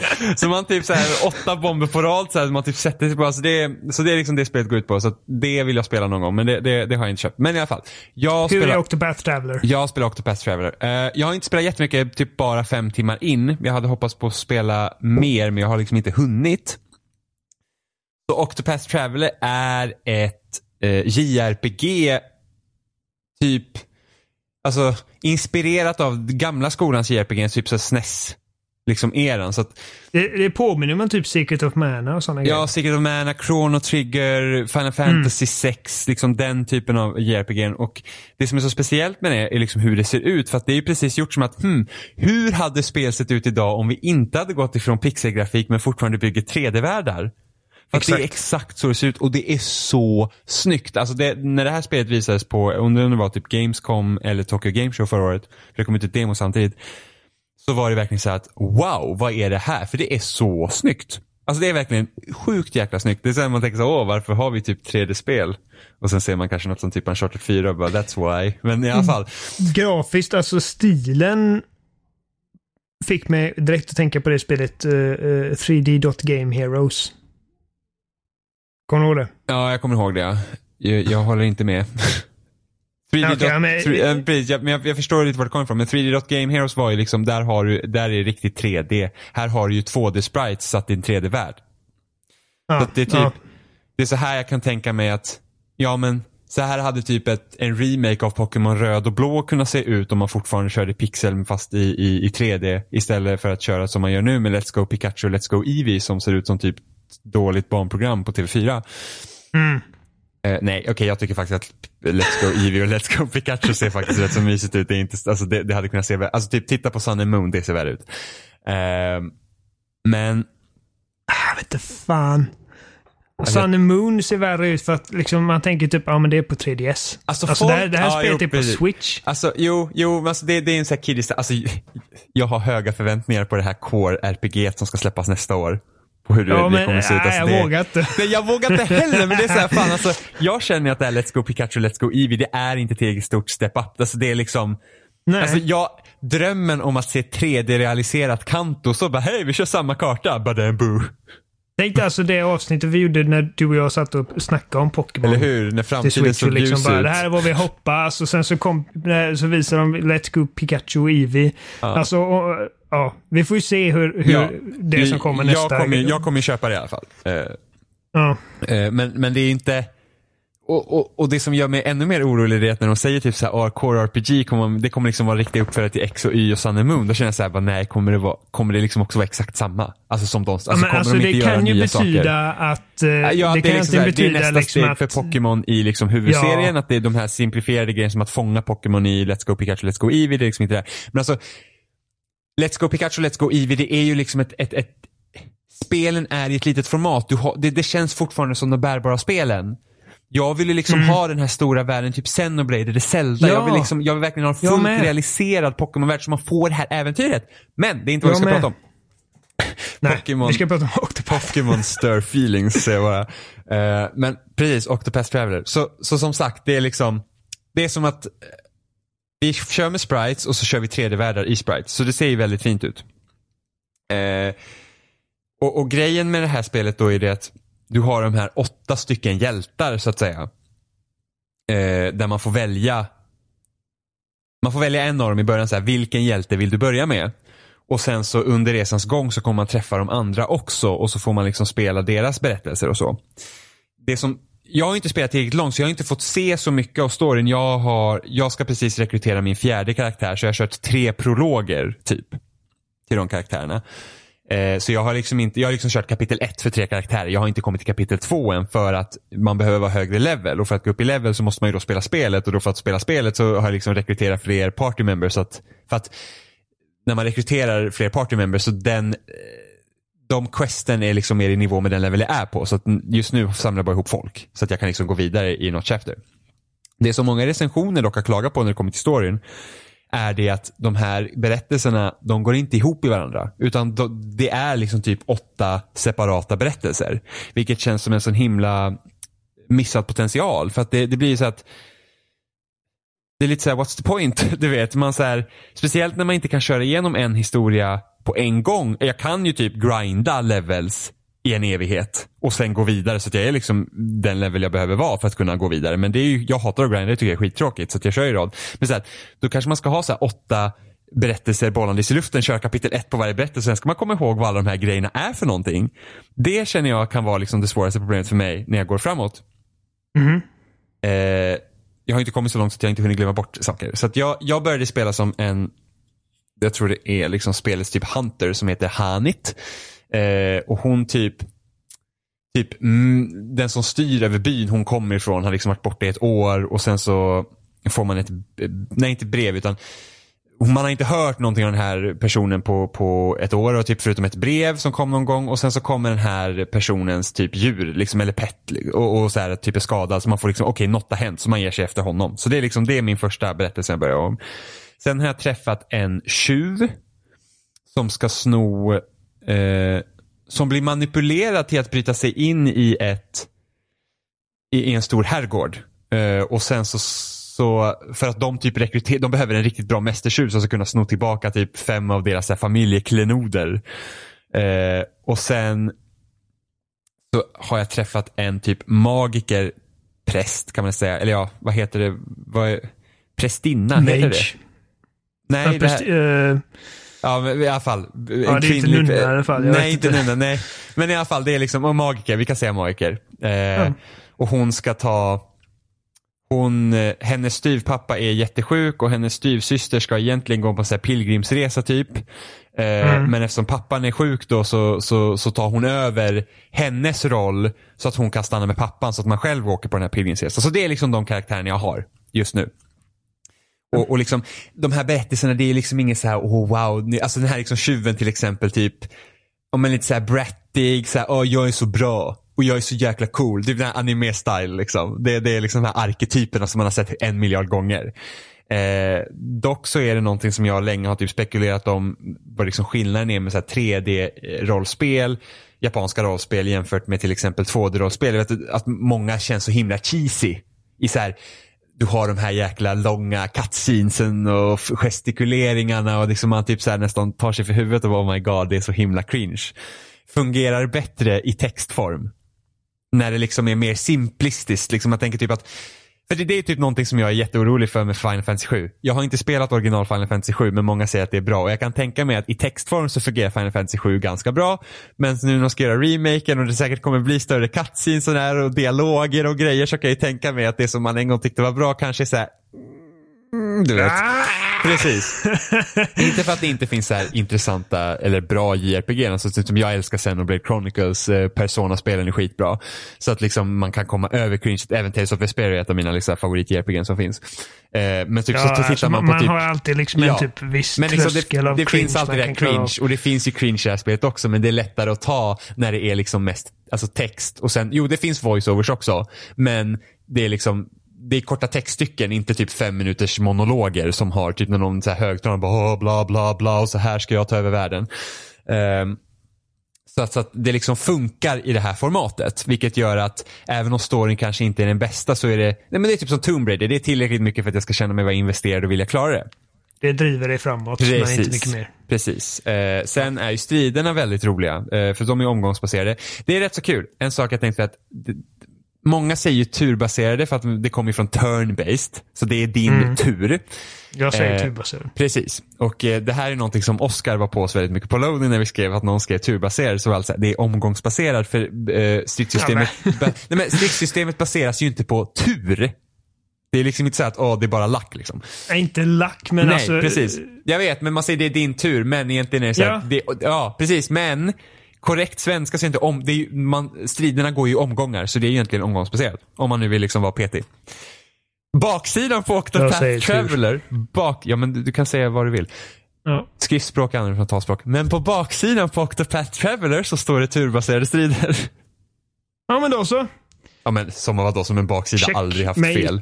Men i alla fall, det var, det var bara en sån här rolig grej. Striderna är dock väldigt roliga så att där har jag liksom, och så här, jag spelar ju inte RPG och sånt för strider för att jag vet att många så här, alltså när folk pratar typ om så här, Xenoblade Chronicles 2, de bara åh the endgame, så här, efter man klarar storyn då ska man döda de här monstren och göra de här grejerna och jag är så här, när storyn är klar efter så här, sådär 80 timmar, då är jag fan klar med spelet. Det finns inte tid för mig att hålla på och jaga efter typ vapen och monster som jag ändå inte behöver ha för att typ, för det finns ingen story kvar.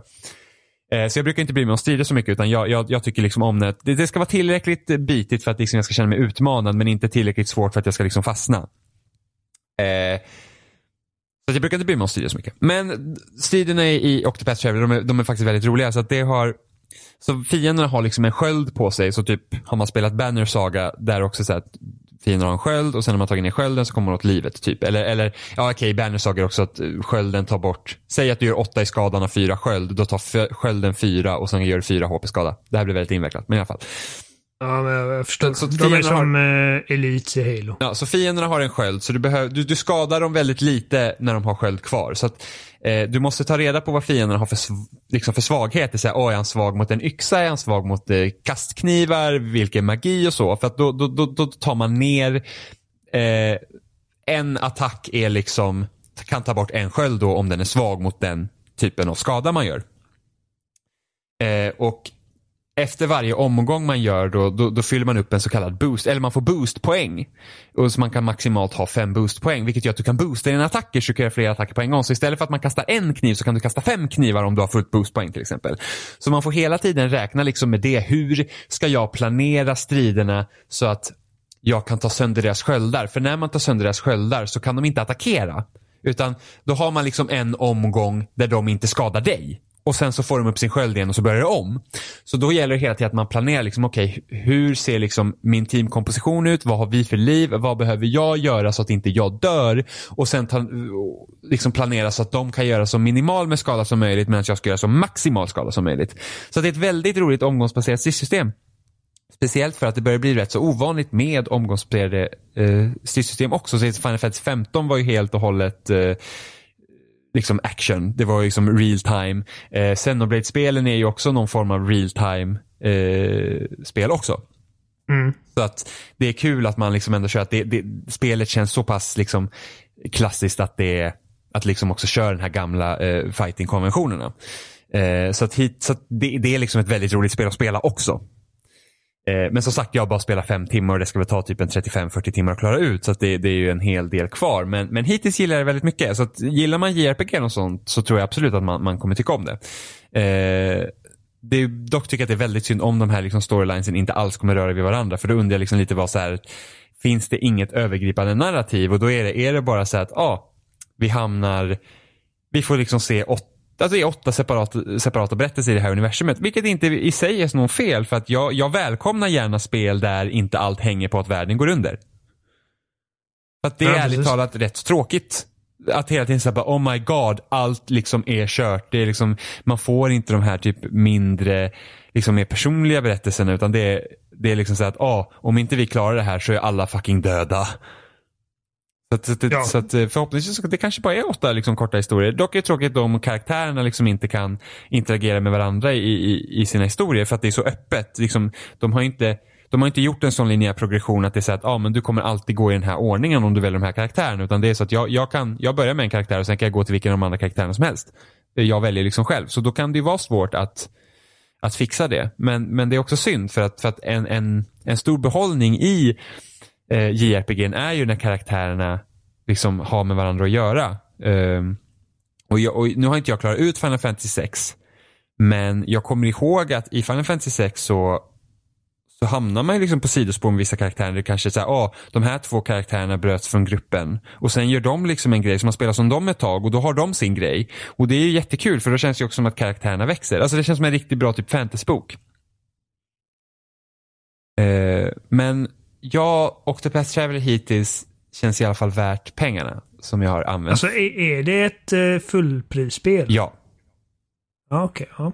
Det var ju, så att, så att det är liksom, alltså det här känns ju, alltså det här skulle kunna vara typ ett Final Fantasy-spel. Känner jag. Liksom. Mm. Förutom att det då är serien. Alltså det, det, det är grymt Och sen soundtracket också bra. Det, det är liksom verkligen klassiska fantasy tunes som man säger. Eh, och sen ja. så, så, får jag se sen när jag hinner spela Toads Treasure Tracker. Det är jag faktiskt Ja, det ser jättemysigt ut. Har du spelat det? Nej. Du har inte heller spelat jag, det? Jag har inte ens klarat alla Toads banor i Super Mario 3D World. Jag har inte ens klarat uh, Super Mario 3D World. Ja, ja.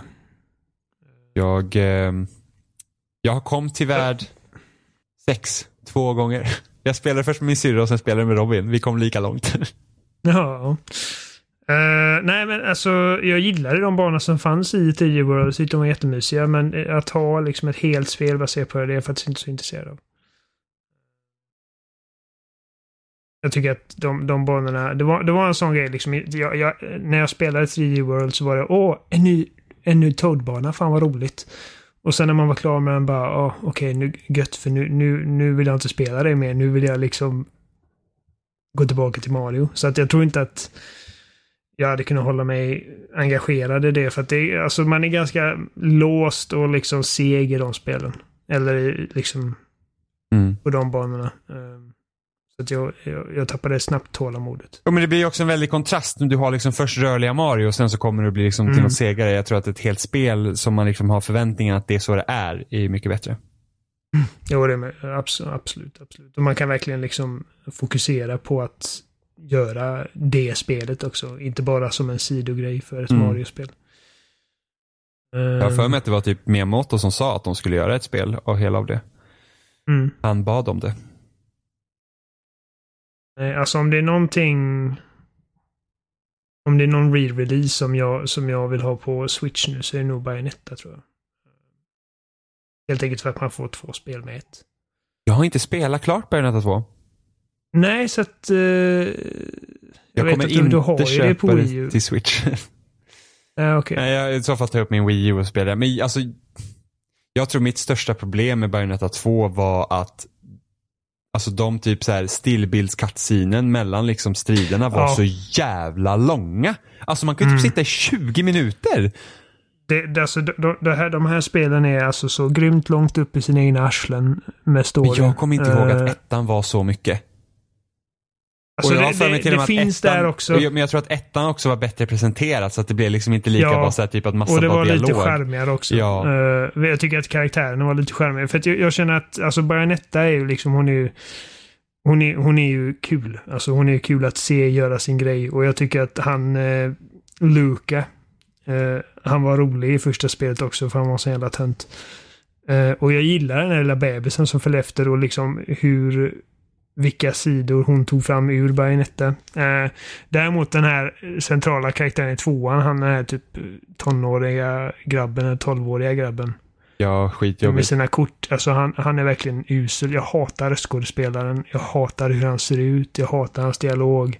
Och han är en sån stor del av storyn i det här spelet. Så att jag tror att det är nog förmodligen inte så mycket mer cutscenes i tvåan än vad det är i ettan. Även om jag givet, jag ju inte, jag har inte jämfört givetvis, men jag, jag har en känsla av att det är förmodligen ungefär samma, men det känns längre i tvåan bara för att det, ja, han är bara så uff. Ja, ja någon, gång får jag, någon gång måste jag packa upp min Wii U och spela den. Jag har inte spelat Twilight Princess heller. Klart. På det. Men det har, det har du åtminstone klarat någon gång. Jo, det har jag ju. Men ändå, jag köpte det för att jag var så jäkla peppad på Breath of the Wild när jag visade upp det på E3. Jag bara köpte Twilight Princess ja. på en gång, klarade de tre första templen och sen bara... Uh. Det, alltså, jag har inte heller klarat Twilight Princess på, på Wii U. Uh, jag tror jag recenserade det. Jag spelade fram till sista templet. Eller om det är näst sista om man räknar med typ näst, näst sista om man räknar med både Ganons Castle och uh, Twilight uh, Realm eller vad det är. Jag kom till Sky Temple helt enkelt. Mm. Uh, Min favoritdel i Twilight Princess, jag, som sagt, jag tycker inte att Twilight Princess är typ ett av de starkaste Zelda-spelen. Jag, jag, jag, tyckte att det var för långt. Mm. För lite att göra mellan templen. Uh, och det blev, i slutet mm. blev väldigt mycket tempel, tempel. Men mitt favorit, ja. mitt absolut favoritställe i Twilight Princess är under de delen man har klarat de tre första templen och sen så går man typ till den här mittenstatyn någonstans. Det är någon här stor typ, någon stor grej någonstans. Och så är man där mm. inne och sen typ helt plötsligt sant bakom en och han är så jävla läskig med sin jävla mask. Det är liksom inga känslouttryck eller ingenting utan han bara står där så, så jävla creepy. Det är typ mitt favoritmoment i Twilight Princess. Jag tänker, eh, när jag tänker Twilight Princess, det första jag får upp i huvudet är scenen där den här lite fega grabben som är så här småmobbad av de andra barnen eh, knuffar undan en av de här flickorna från att bli eh, söndertrampad av de här, den här liksom flocken av typ svin, eh, svinryttare och blir tagen. Och man som Link liksom på då är på när man måste jaga efter de här och rädda honom. Från de här monstren. Det är liksom så här horseback-strid. Jag tror de visade det på E3 2006 i alla fall. Mm. Uh, för att det är liksom, det, det, det, är inget tempel, det är liksom ingenting. Det är bara en grej som händer med karaktärer som Link bryr sig om. Det är väldigt så här karaktärsdrivet ögonblick i det spelet och det är inte ofta man ser det i Zelda-spel. Nej. Uh, nej, det är först med typ Skyward Sword och sen Breath of the Wild som det blir liksom mer... Äh, nej, Wind Waker hade ju också ganska mycket karaktärsgrejer. Jo, alltså det, det, har ju funnits uh, givetvis, men det, det, är liksom inte normen sett till gameplay-loopen som har funnits i, i Zelda-spelen. Uh, men alltså det är inte min favoritdel. Eh, det är bara det är den jag, det är den scenen jag får upp i huvudet liksom. Links typ sammanbitna ansiktsuttryck när han verkligen liksom galopperar som fan för att komma ikapp den här liksom lilla grabben.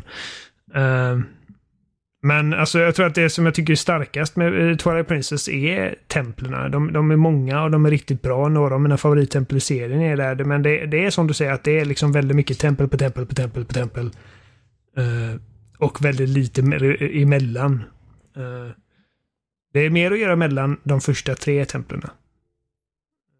Så att, eh, det, det, känns inte som en slump att du har liksom spelat de tre första och sen lagt av för att det, det, jag tycker att tempot är bättre där. Men, men alltså jag, jag gillar många tempel. Jag tycker... Eh, alltså ett tempel som jag hatade första gången jag spelade 2006. Det var ju det här när, när man kommer till den här snömannen och hans fru. Uh, I deras hem. Kommer du ihåg detta? Ja. Uh, och hela templet är liksom att man måste navigera sig genom deras hus. Uh, för att hitta ingredienser till soppan som han gör till sin sjuka fru i princip. Eh, i, då, I utbyte för att komma upp till spegeln där hon har den. Men det är väldigt liksom, roligt koncept till en, till en dungeon. Jag gillar också Arbiters Grounds och jag gillar... Uh, vad heter det? Skitsamma. Uh, Temple of Time är kul. Uh, många bra tempel där. Men, men som sagt, det, det, jag håller med dig i, i din kritik mot det. Och det, det, är en grej som du alltid har sagt om det spelet som jag liksom också håller med om helt och hållet. Det är att världen känns helt död. Liksom att det, helt död. Det händer ingenting. Det, det enda man får se ibland är liksom den här post, liksom, postgubben som springer efter dig så fort du lämnar Ja. du lämnar torget i mitten. ja.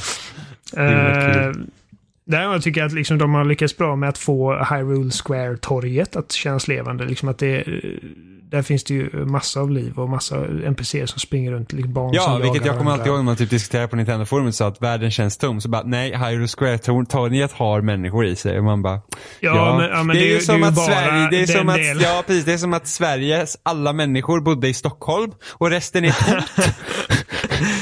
Alltså det är rätt jämförbart ändå för att vi har liksom miles and miles and miles av bara skog i Sverige. ja, är det är sjukt. Uh, nej, jag håller med. Twilight Princess är inte det bästa Zelda-spelet, men det, det är bra. Jag tycker om det. Det är något överlag som har, har den här generationen verkligen tagit fasta på. Det är det här att öppna världar som är nu så pass vanligt är väldigt befolkade. För det Mm. märktes när man hoppar in i Skate 3 och bara så här, where are all the people at? det är fucking Alla är tomt. skaters också. Ja, så att det, det är liksom, alltså typ så som Skate 3 ser ut i sin befolkning, så känner jag liksom att så där såg spelen ut kanske på PS2. Det gjorde de inte. Nej, precis, men det är så jag liksom kommer ihåg det. Så att det där är ju PS2-andelen av NPCer. Vilket inte är. Så nu, nu vet inte jag, det känns som att man kanske borde hoppa in typ i GTA 4 och jämföra där. Hur det ser ut. Snarare än Skate 3 som inte egentligen är gjort för att det ska vara en massa människor på det. Men det är verkligen så här att det här är fan tomt. Ja. Japp, men... Vet du vad Jimmy? Ska vi, ska vi säga så för den här veckan? Ja, vi fick ett fullspäckat avsnitt av massa tv-spelspratande. Ja, och massa rantande om Batman och massa skit. Om du hade fått välja en superhjälte och hade fått ett spel till, vem hade det varit då? Alltså, så, alltså Ja, en superhjälte. är det så här typ att okej, Arkham Asylum har aldrig hänt. Nej, alltså så Och Spiderman har läggts ner. skit, skit liksom. i Arkham Asylum. Om du säger, nu, du ska få ett nytt superhjältespel, vilken superhjälte skulle du vilja ha ett spel av? Och det vill säga inte Batman eller Spiderman nu, för det finns faktiskt spel med dem. Okej, för, ja precis. För att om, om, om, om vi har tagit bort Batman och Spiderman, de är mina två favoritkaraktärer. Mm. Men om vi bo- bortser från dem så... Vet du vad? Det, nu, nu satte du mig på sängkanten. Jag vet faktiskt inte. Fan vilket tråkigt svar. Har, har du ett liksom så här självklart svar? Eller? Jag funderar på det. Nej, men jag kom ju på frågan precis. Det är inte så att jag har hunnit tänka på det aslänge. Men jag tänker, man hade, säkert- man hade kunnat göra något jätteintressant med Ant-Man. Ja. Just med perspektivbytena och man hade kunnat fått, alltså det hade inte behövt, nu tänker inte jag så att det, det hade nog inte passat kanske som ett open world-spel. Det hade kunnat liksom vara typ Nej. ett linjärt actionspel. Eh, men det hade kunnat varit skithäftigt med typ så här, eh, alltså tänk dig typ springa på så här olika banor och sen så måste man typ, alltså nästan som att striderna blir som en pussellösning hur du ska ta dig an dem liksom. Du får så här springa, bla bla bla, slåss, slåss och sen så bara oh shit, måste jag göra det skitliten, så bara swoof och så, så hoppa runt och så blir ju liksom hela, alltså ja, jag kan tänka mig att det hade varit väldigt kul. Man hade kunnat vara väldigt kreativ med det tror jag. Ja, absolut. Det hade, det hade kunnat bli jättecoolt. Så här, Mm. liksom action pussel eh, äventyr Ja. Uh, alltså, jag, jag, jag, jag tänker liksom att det hade varit coolt att flyga runt som Iron Man. Och jag säger Iron Man istället för Superman bara för att jag tycker att Superman är en så grymt tråkig karaktär. Eh, för han har i princip inga svagheter. Han har en svaghet och det är kryptonit. Medan Iron Man kan man göra lite mer med. Och Superman har två svagheter. Kryptonit och sin Och kärlek Martha. för mänskligheten. Ja, okej. Uh, just det, det är Batman som har Martha som svar. Arthur! Why did you say that name? Ja. Eh, men samtidigt så liksom de, de... Jag har, spe, jag har spelat ett par av de här. Jag tror det var Iron Man 2 som kom. En sån här movie tie-in och det var så jävla sunkigt. Så, så det tar emot att säga att Iron Man... Um, det, var, alltså det är nästan så att vi skulle nästan kunna ha ett helt avsnitt om detta med, med lite mer förberedelse. Men... Uh, men jag säger Superman bara för att jag är helt övertygad om att det inte går att göra. Klart det går. Ja, Telltale Superman, bam. Ja, det hade ju gått, Ja. givetvis. Det hade, det hade gått Eh, rätt Superman-spel. där. För att eh, det känns som att uh, För liksom någon de som tycker att Crackdown är bra så tror jag att du hade kunnat ha väldigt kul med ett Superman-spel. Men jag kan dö i Crackdown. Jag kan bli ihjälskjuten i Crackdown. Liksom, jag kan... Jag kan inte bara ställa mig mitt på torget och liksom bara... Ratta, ratta, ni skjuter alla era rocket launchers på mig och ingenting händer. Alltså något av mina favoritgrejer i San Andreas var att det att sätta på eh, max hälsa, max vapen och sen så bara typ ta en rocket launcher och stå på min hemgata och bara spränga allt och se hur länge man klarar sig. Ja, det, det, det är ju Crackdown. Det, det är ju det Crackdown handlar om. Ja, crackdown Det är liksom, crackdown det är den upplevelsen som man har liksom gjort ett helt nej, spel på. Så har du crackdown. Är, nej, crackdown är inte kul. Äh, vilket, äh, fy fan. Det, alltså, Vi det, behöver inte gå här, in på det. Crackdown känns som ett så här Rusta-spel. Som man hittar i Rusta reabacken som man var såhär, det här har jag aldrig sett förut. Jag har ingen aning om vad du pratar Och så om. kommer ett tredje Eh. spel som folk dessutom, enda anledningen att folk är peppade på Crackdown 3 är för att Xbox har inga andra spel som kommer ut. Det är enda anledningen. Jag tycker att, jag tycker inte alltså jag, jag har tittat på den trailern och visat på E3. Jag alltså det, det, det ser inte så jävla bra ut. Nej, det Alltså, ser inte den, bra den ut. Nej. studion som, som utvecklade det först, alltså de originalteamen som gjorde första spelet, de har ju tydligen, tydligen dragit sig ut ur hela projektet. Det Ja. läste jag nyligen. Ja. Det båda inte gått alls, så att jag, jag, liksom, jag har typ inga förhoppningar inte på det gått alls. Nej, det, något som inte heller Eh. båda gott är att spelet har varit utannonserat Ah, håll 2013 och käften. heller inte kommit ut. Jag tycker där är första Ja. varningsklockan. Det är kul att vi snackar liksom, du säger typ att ja men det var min favoritgrej att typ bara ställa mig och bara eh, göra, göra kaos på gatorna och liksom säga att det är därför Superman hade funkat. Men det är alltså, Superman kan ju inte bara liksom flyga igenom byggnader och förstöra hela... Men, jo, det- har det- du inte sett nej, Man han of ska ju Steel? skydda folk. Men har du sett Man of Jag Steel? vet och alla hatar den. Ja, men precis. Kan hata spelet också. Det är, alltså, han, han, ska ju, han ska ju liksom inte förstöra städer och, och döda Nej, här, är folk. om, om, Bat- om Superman fungerar som serietidning, då kan det också fungera som spel. För att de har ju samma problem i serietidningen i så fall. Men man skulle hur- kunna göra typ spelmoment av att ja men okej nu har du en timer. Men har du läst en Superman- Lois Lane kommer Ja, men- släppas från en Har eh, du läst skyskrapa. en Superman-tidning någon gång? Eh, nej. Nej, så du har alltså ingen aning om hur problemen tas hand om i den? Är, är, de, är de helt radikalt annorlunda för uh, Jag, vet, jag har inte heller läst, jag har, jag, har inte, jag har inte läst mycket Superman. Eh, Nej men då så. men, nej men alltså, det är så här att Vad fan vet du? Men lyssna! Du säger så att det funkar inte, jag spelar det för att han är typ oövervinnlig. Men de kan göra serietidningar om det. Och där måste han ju också råka ut för faror så att det finns någon spänning i det. Så då går det ju.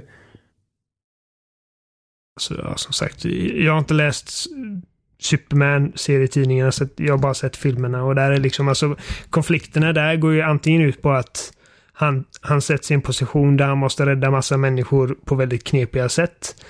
Eller så är det kryptonit. Så det vi, ja, så det vi. Eller så är det Batman som det, är sur. Så det vi... Batman lite... Batman var på fel sida. Bara, "Åh, jag ska mucka gräl med idag. Nej men, eh, alltså...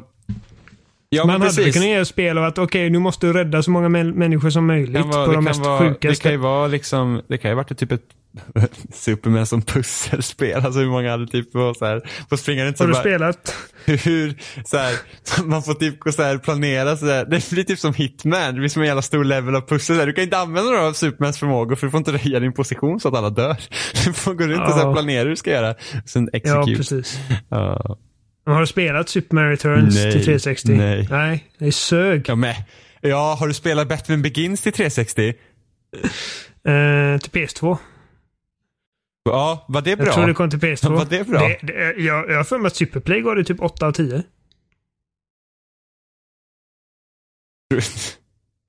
Ja, just det! Ja, jag tror, jag, jag, jag, jag tror inte att det är bra det spelet. men kolla, alltså Batman är så jävla bra för att det, han är liksom, han har massa gadgets och gadgets är liksom bara perfekt för tv-spel. Det är kul Mm. Ja, att använda ja. gadgets. Vet du vad Superman är?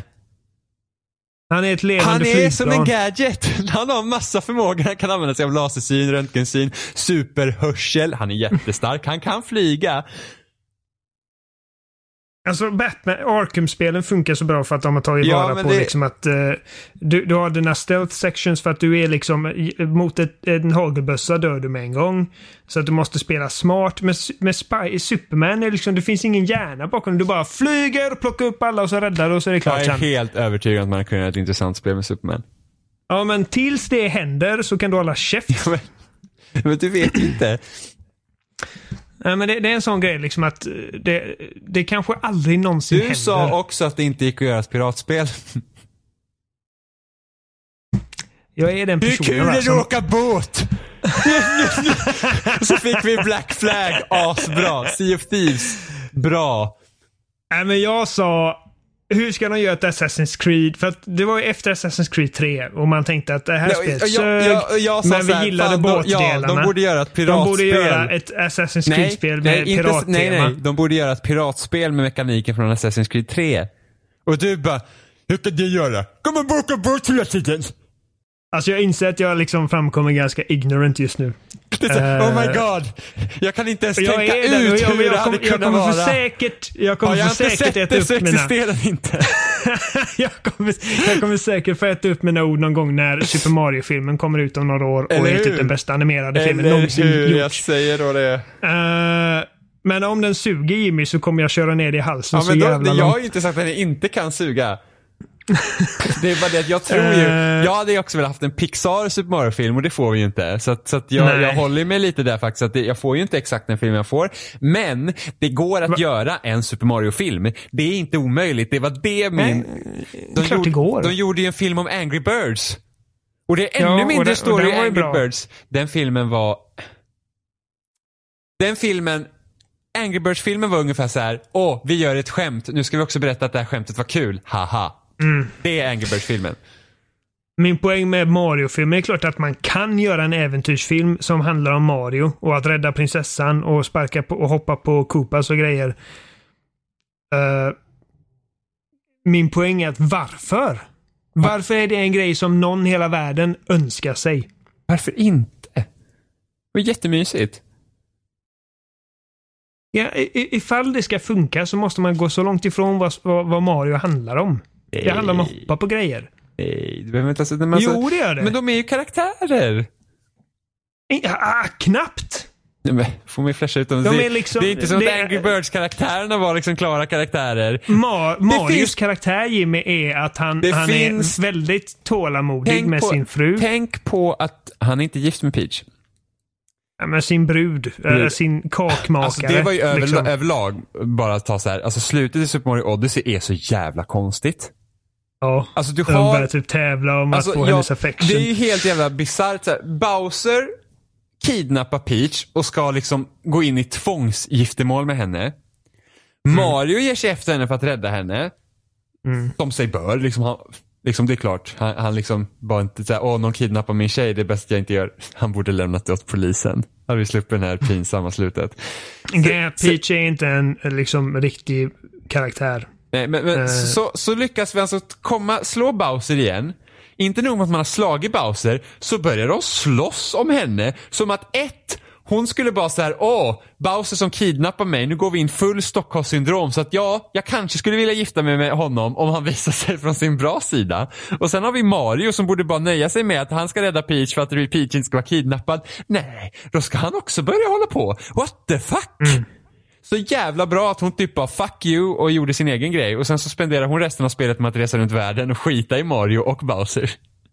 Grejen är att de här är inte karaktärer Jimmy. De är man kan liksom, göra de är, som karaktärer. De är Det- figurer. det går ja, men, ja, men då, är, Och då gör man ju du, någonting du- som de inte är. Det är de så visst det. varför? Vi har, vi har över 30 år med små, små glimtar in i de här deras personligheter. Man kan beskriva dem. Som till exempel, vi har Luigi. Till exempel, Luigi är en skitbra karaktär. Luigi är skiträdd. Va?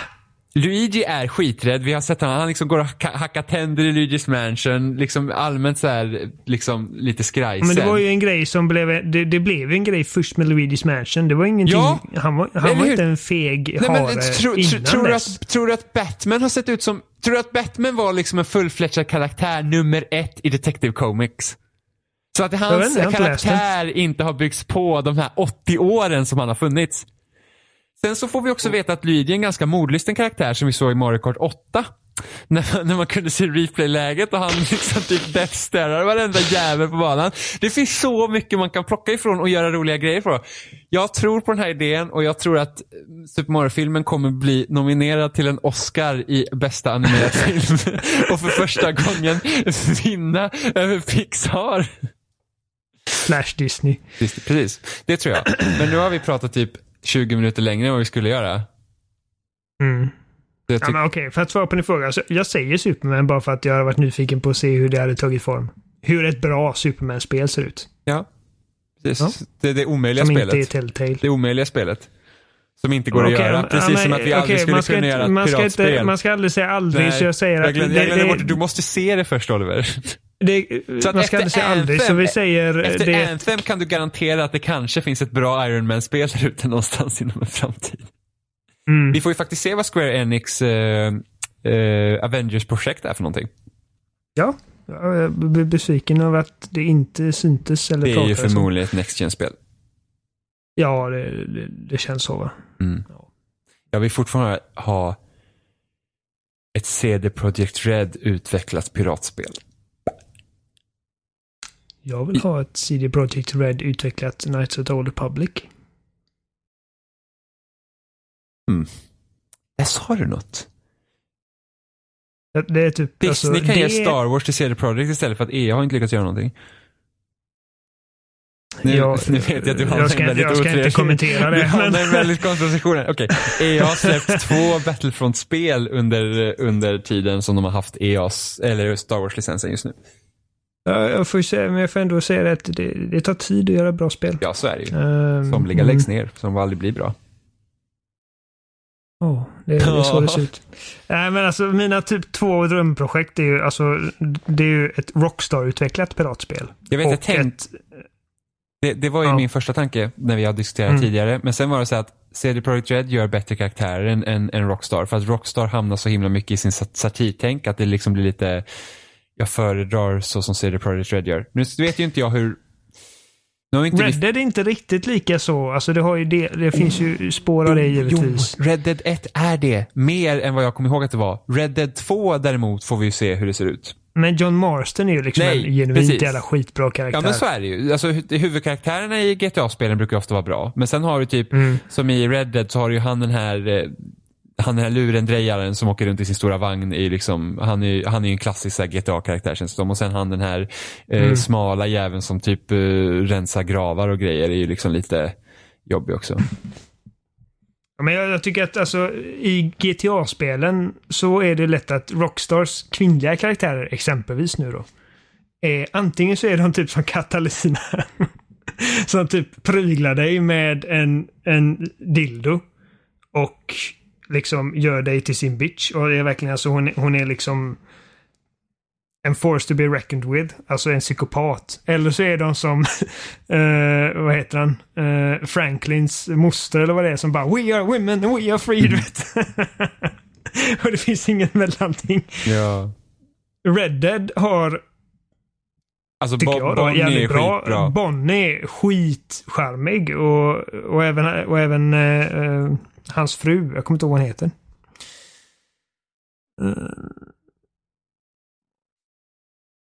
Abigail heter hon väl? Abigail Marston. Uh, precis. Så att jag tror att, uh, alltså det är klart att ja, många av karaktärerna i Red Dead är också någon form av liksom typ kommentar på de här stereotyperna. Eller... Jag, jag förstår vad du menar, absolut. Men jag tror att, jag tror att eh, uh, CD Projekt Red hade gjort ett skitbra piratspel, men jag tror att alltså Rockstar Rockstar hade, hade fixat det hur lätt som helst och jag tror att, jag menar, CD Projekt Red hade gjort ett bättre Knights of the Old Republic än vad Rockstar hade gjort. Så att det är liksom, det, det är de två, det är mina liksom drömspel som aldrig kommer hända. Mitt drömspel är ett Harry Potter-MMO, men vi kommer aldrig få ett bra Harry Potter-spel för av någon anledning tycker, folk, tycker Warner Brothers att det är bättre att kasta ut dåliga iPhone-spel. Tänk om det är det som Rocksteady håller på med. Ett Harry Potter-spel. Mm. Oh my god, alltså jag hade typ kissat på mig av upphetsning. Alltså jag hade bara såhär, vad är detta? Alltså fy För, det, fan. alltså, för vi vet ju inte vad de gör. Vi kan bara Alltså- för, förmoda att de gör någonting liksom hade inte med, oddsen varit större ett- att de skulle i så fall göra ett Sagan om ringen-spel?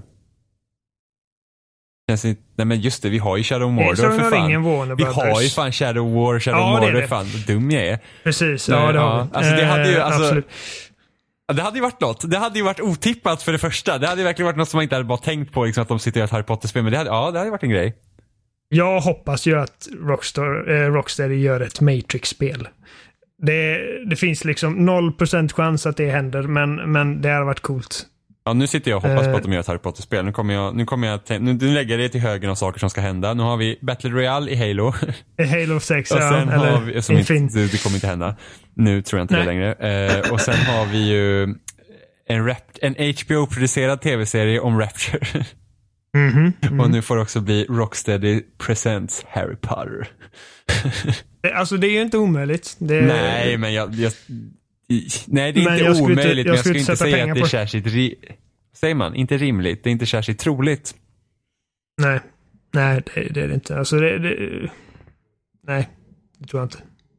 De har ju, alltså Harry Potter-världen är ju fortfarande liksom aktiv på bio med Fantastic Beasts. Men jag vill inte att- ha ett spel om Fantastic Beasts. Man vill ju gå Nej, runt nej, på min, min, Hogwarts. min, min poäng är liksom att eh, det som talar för möjligheten att de kan göra ett Harry Potter-spel är liksom att den, alltså Harry Potter-världen fortfarande är liksom biaktuell. Eh, men... eh, ja, vi får se. Vi får se. Alltså vad, vad de än gör, det ska bli jävligt spännande att se vad Rocksteady gör.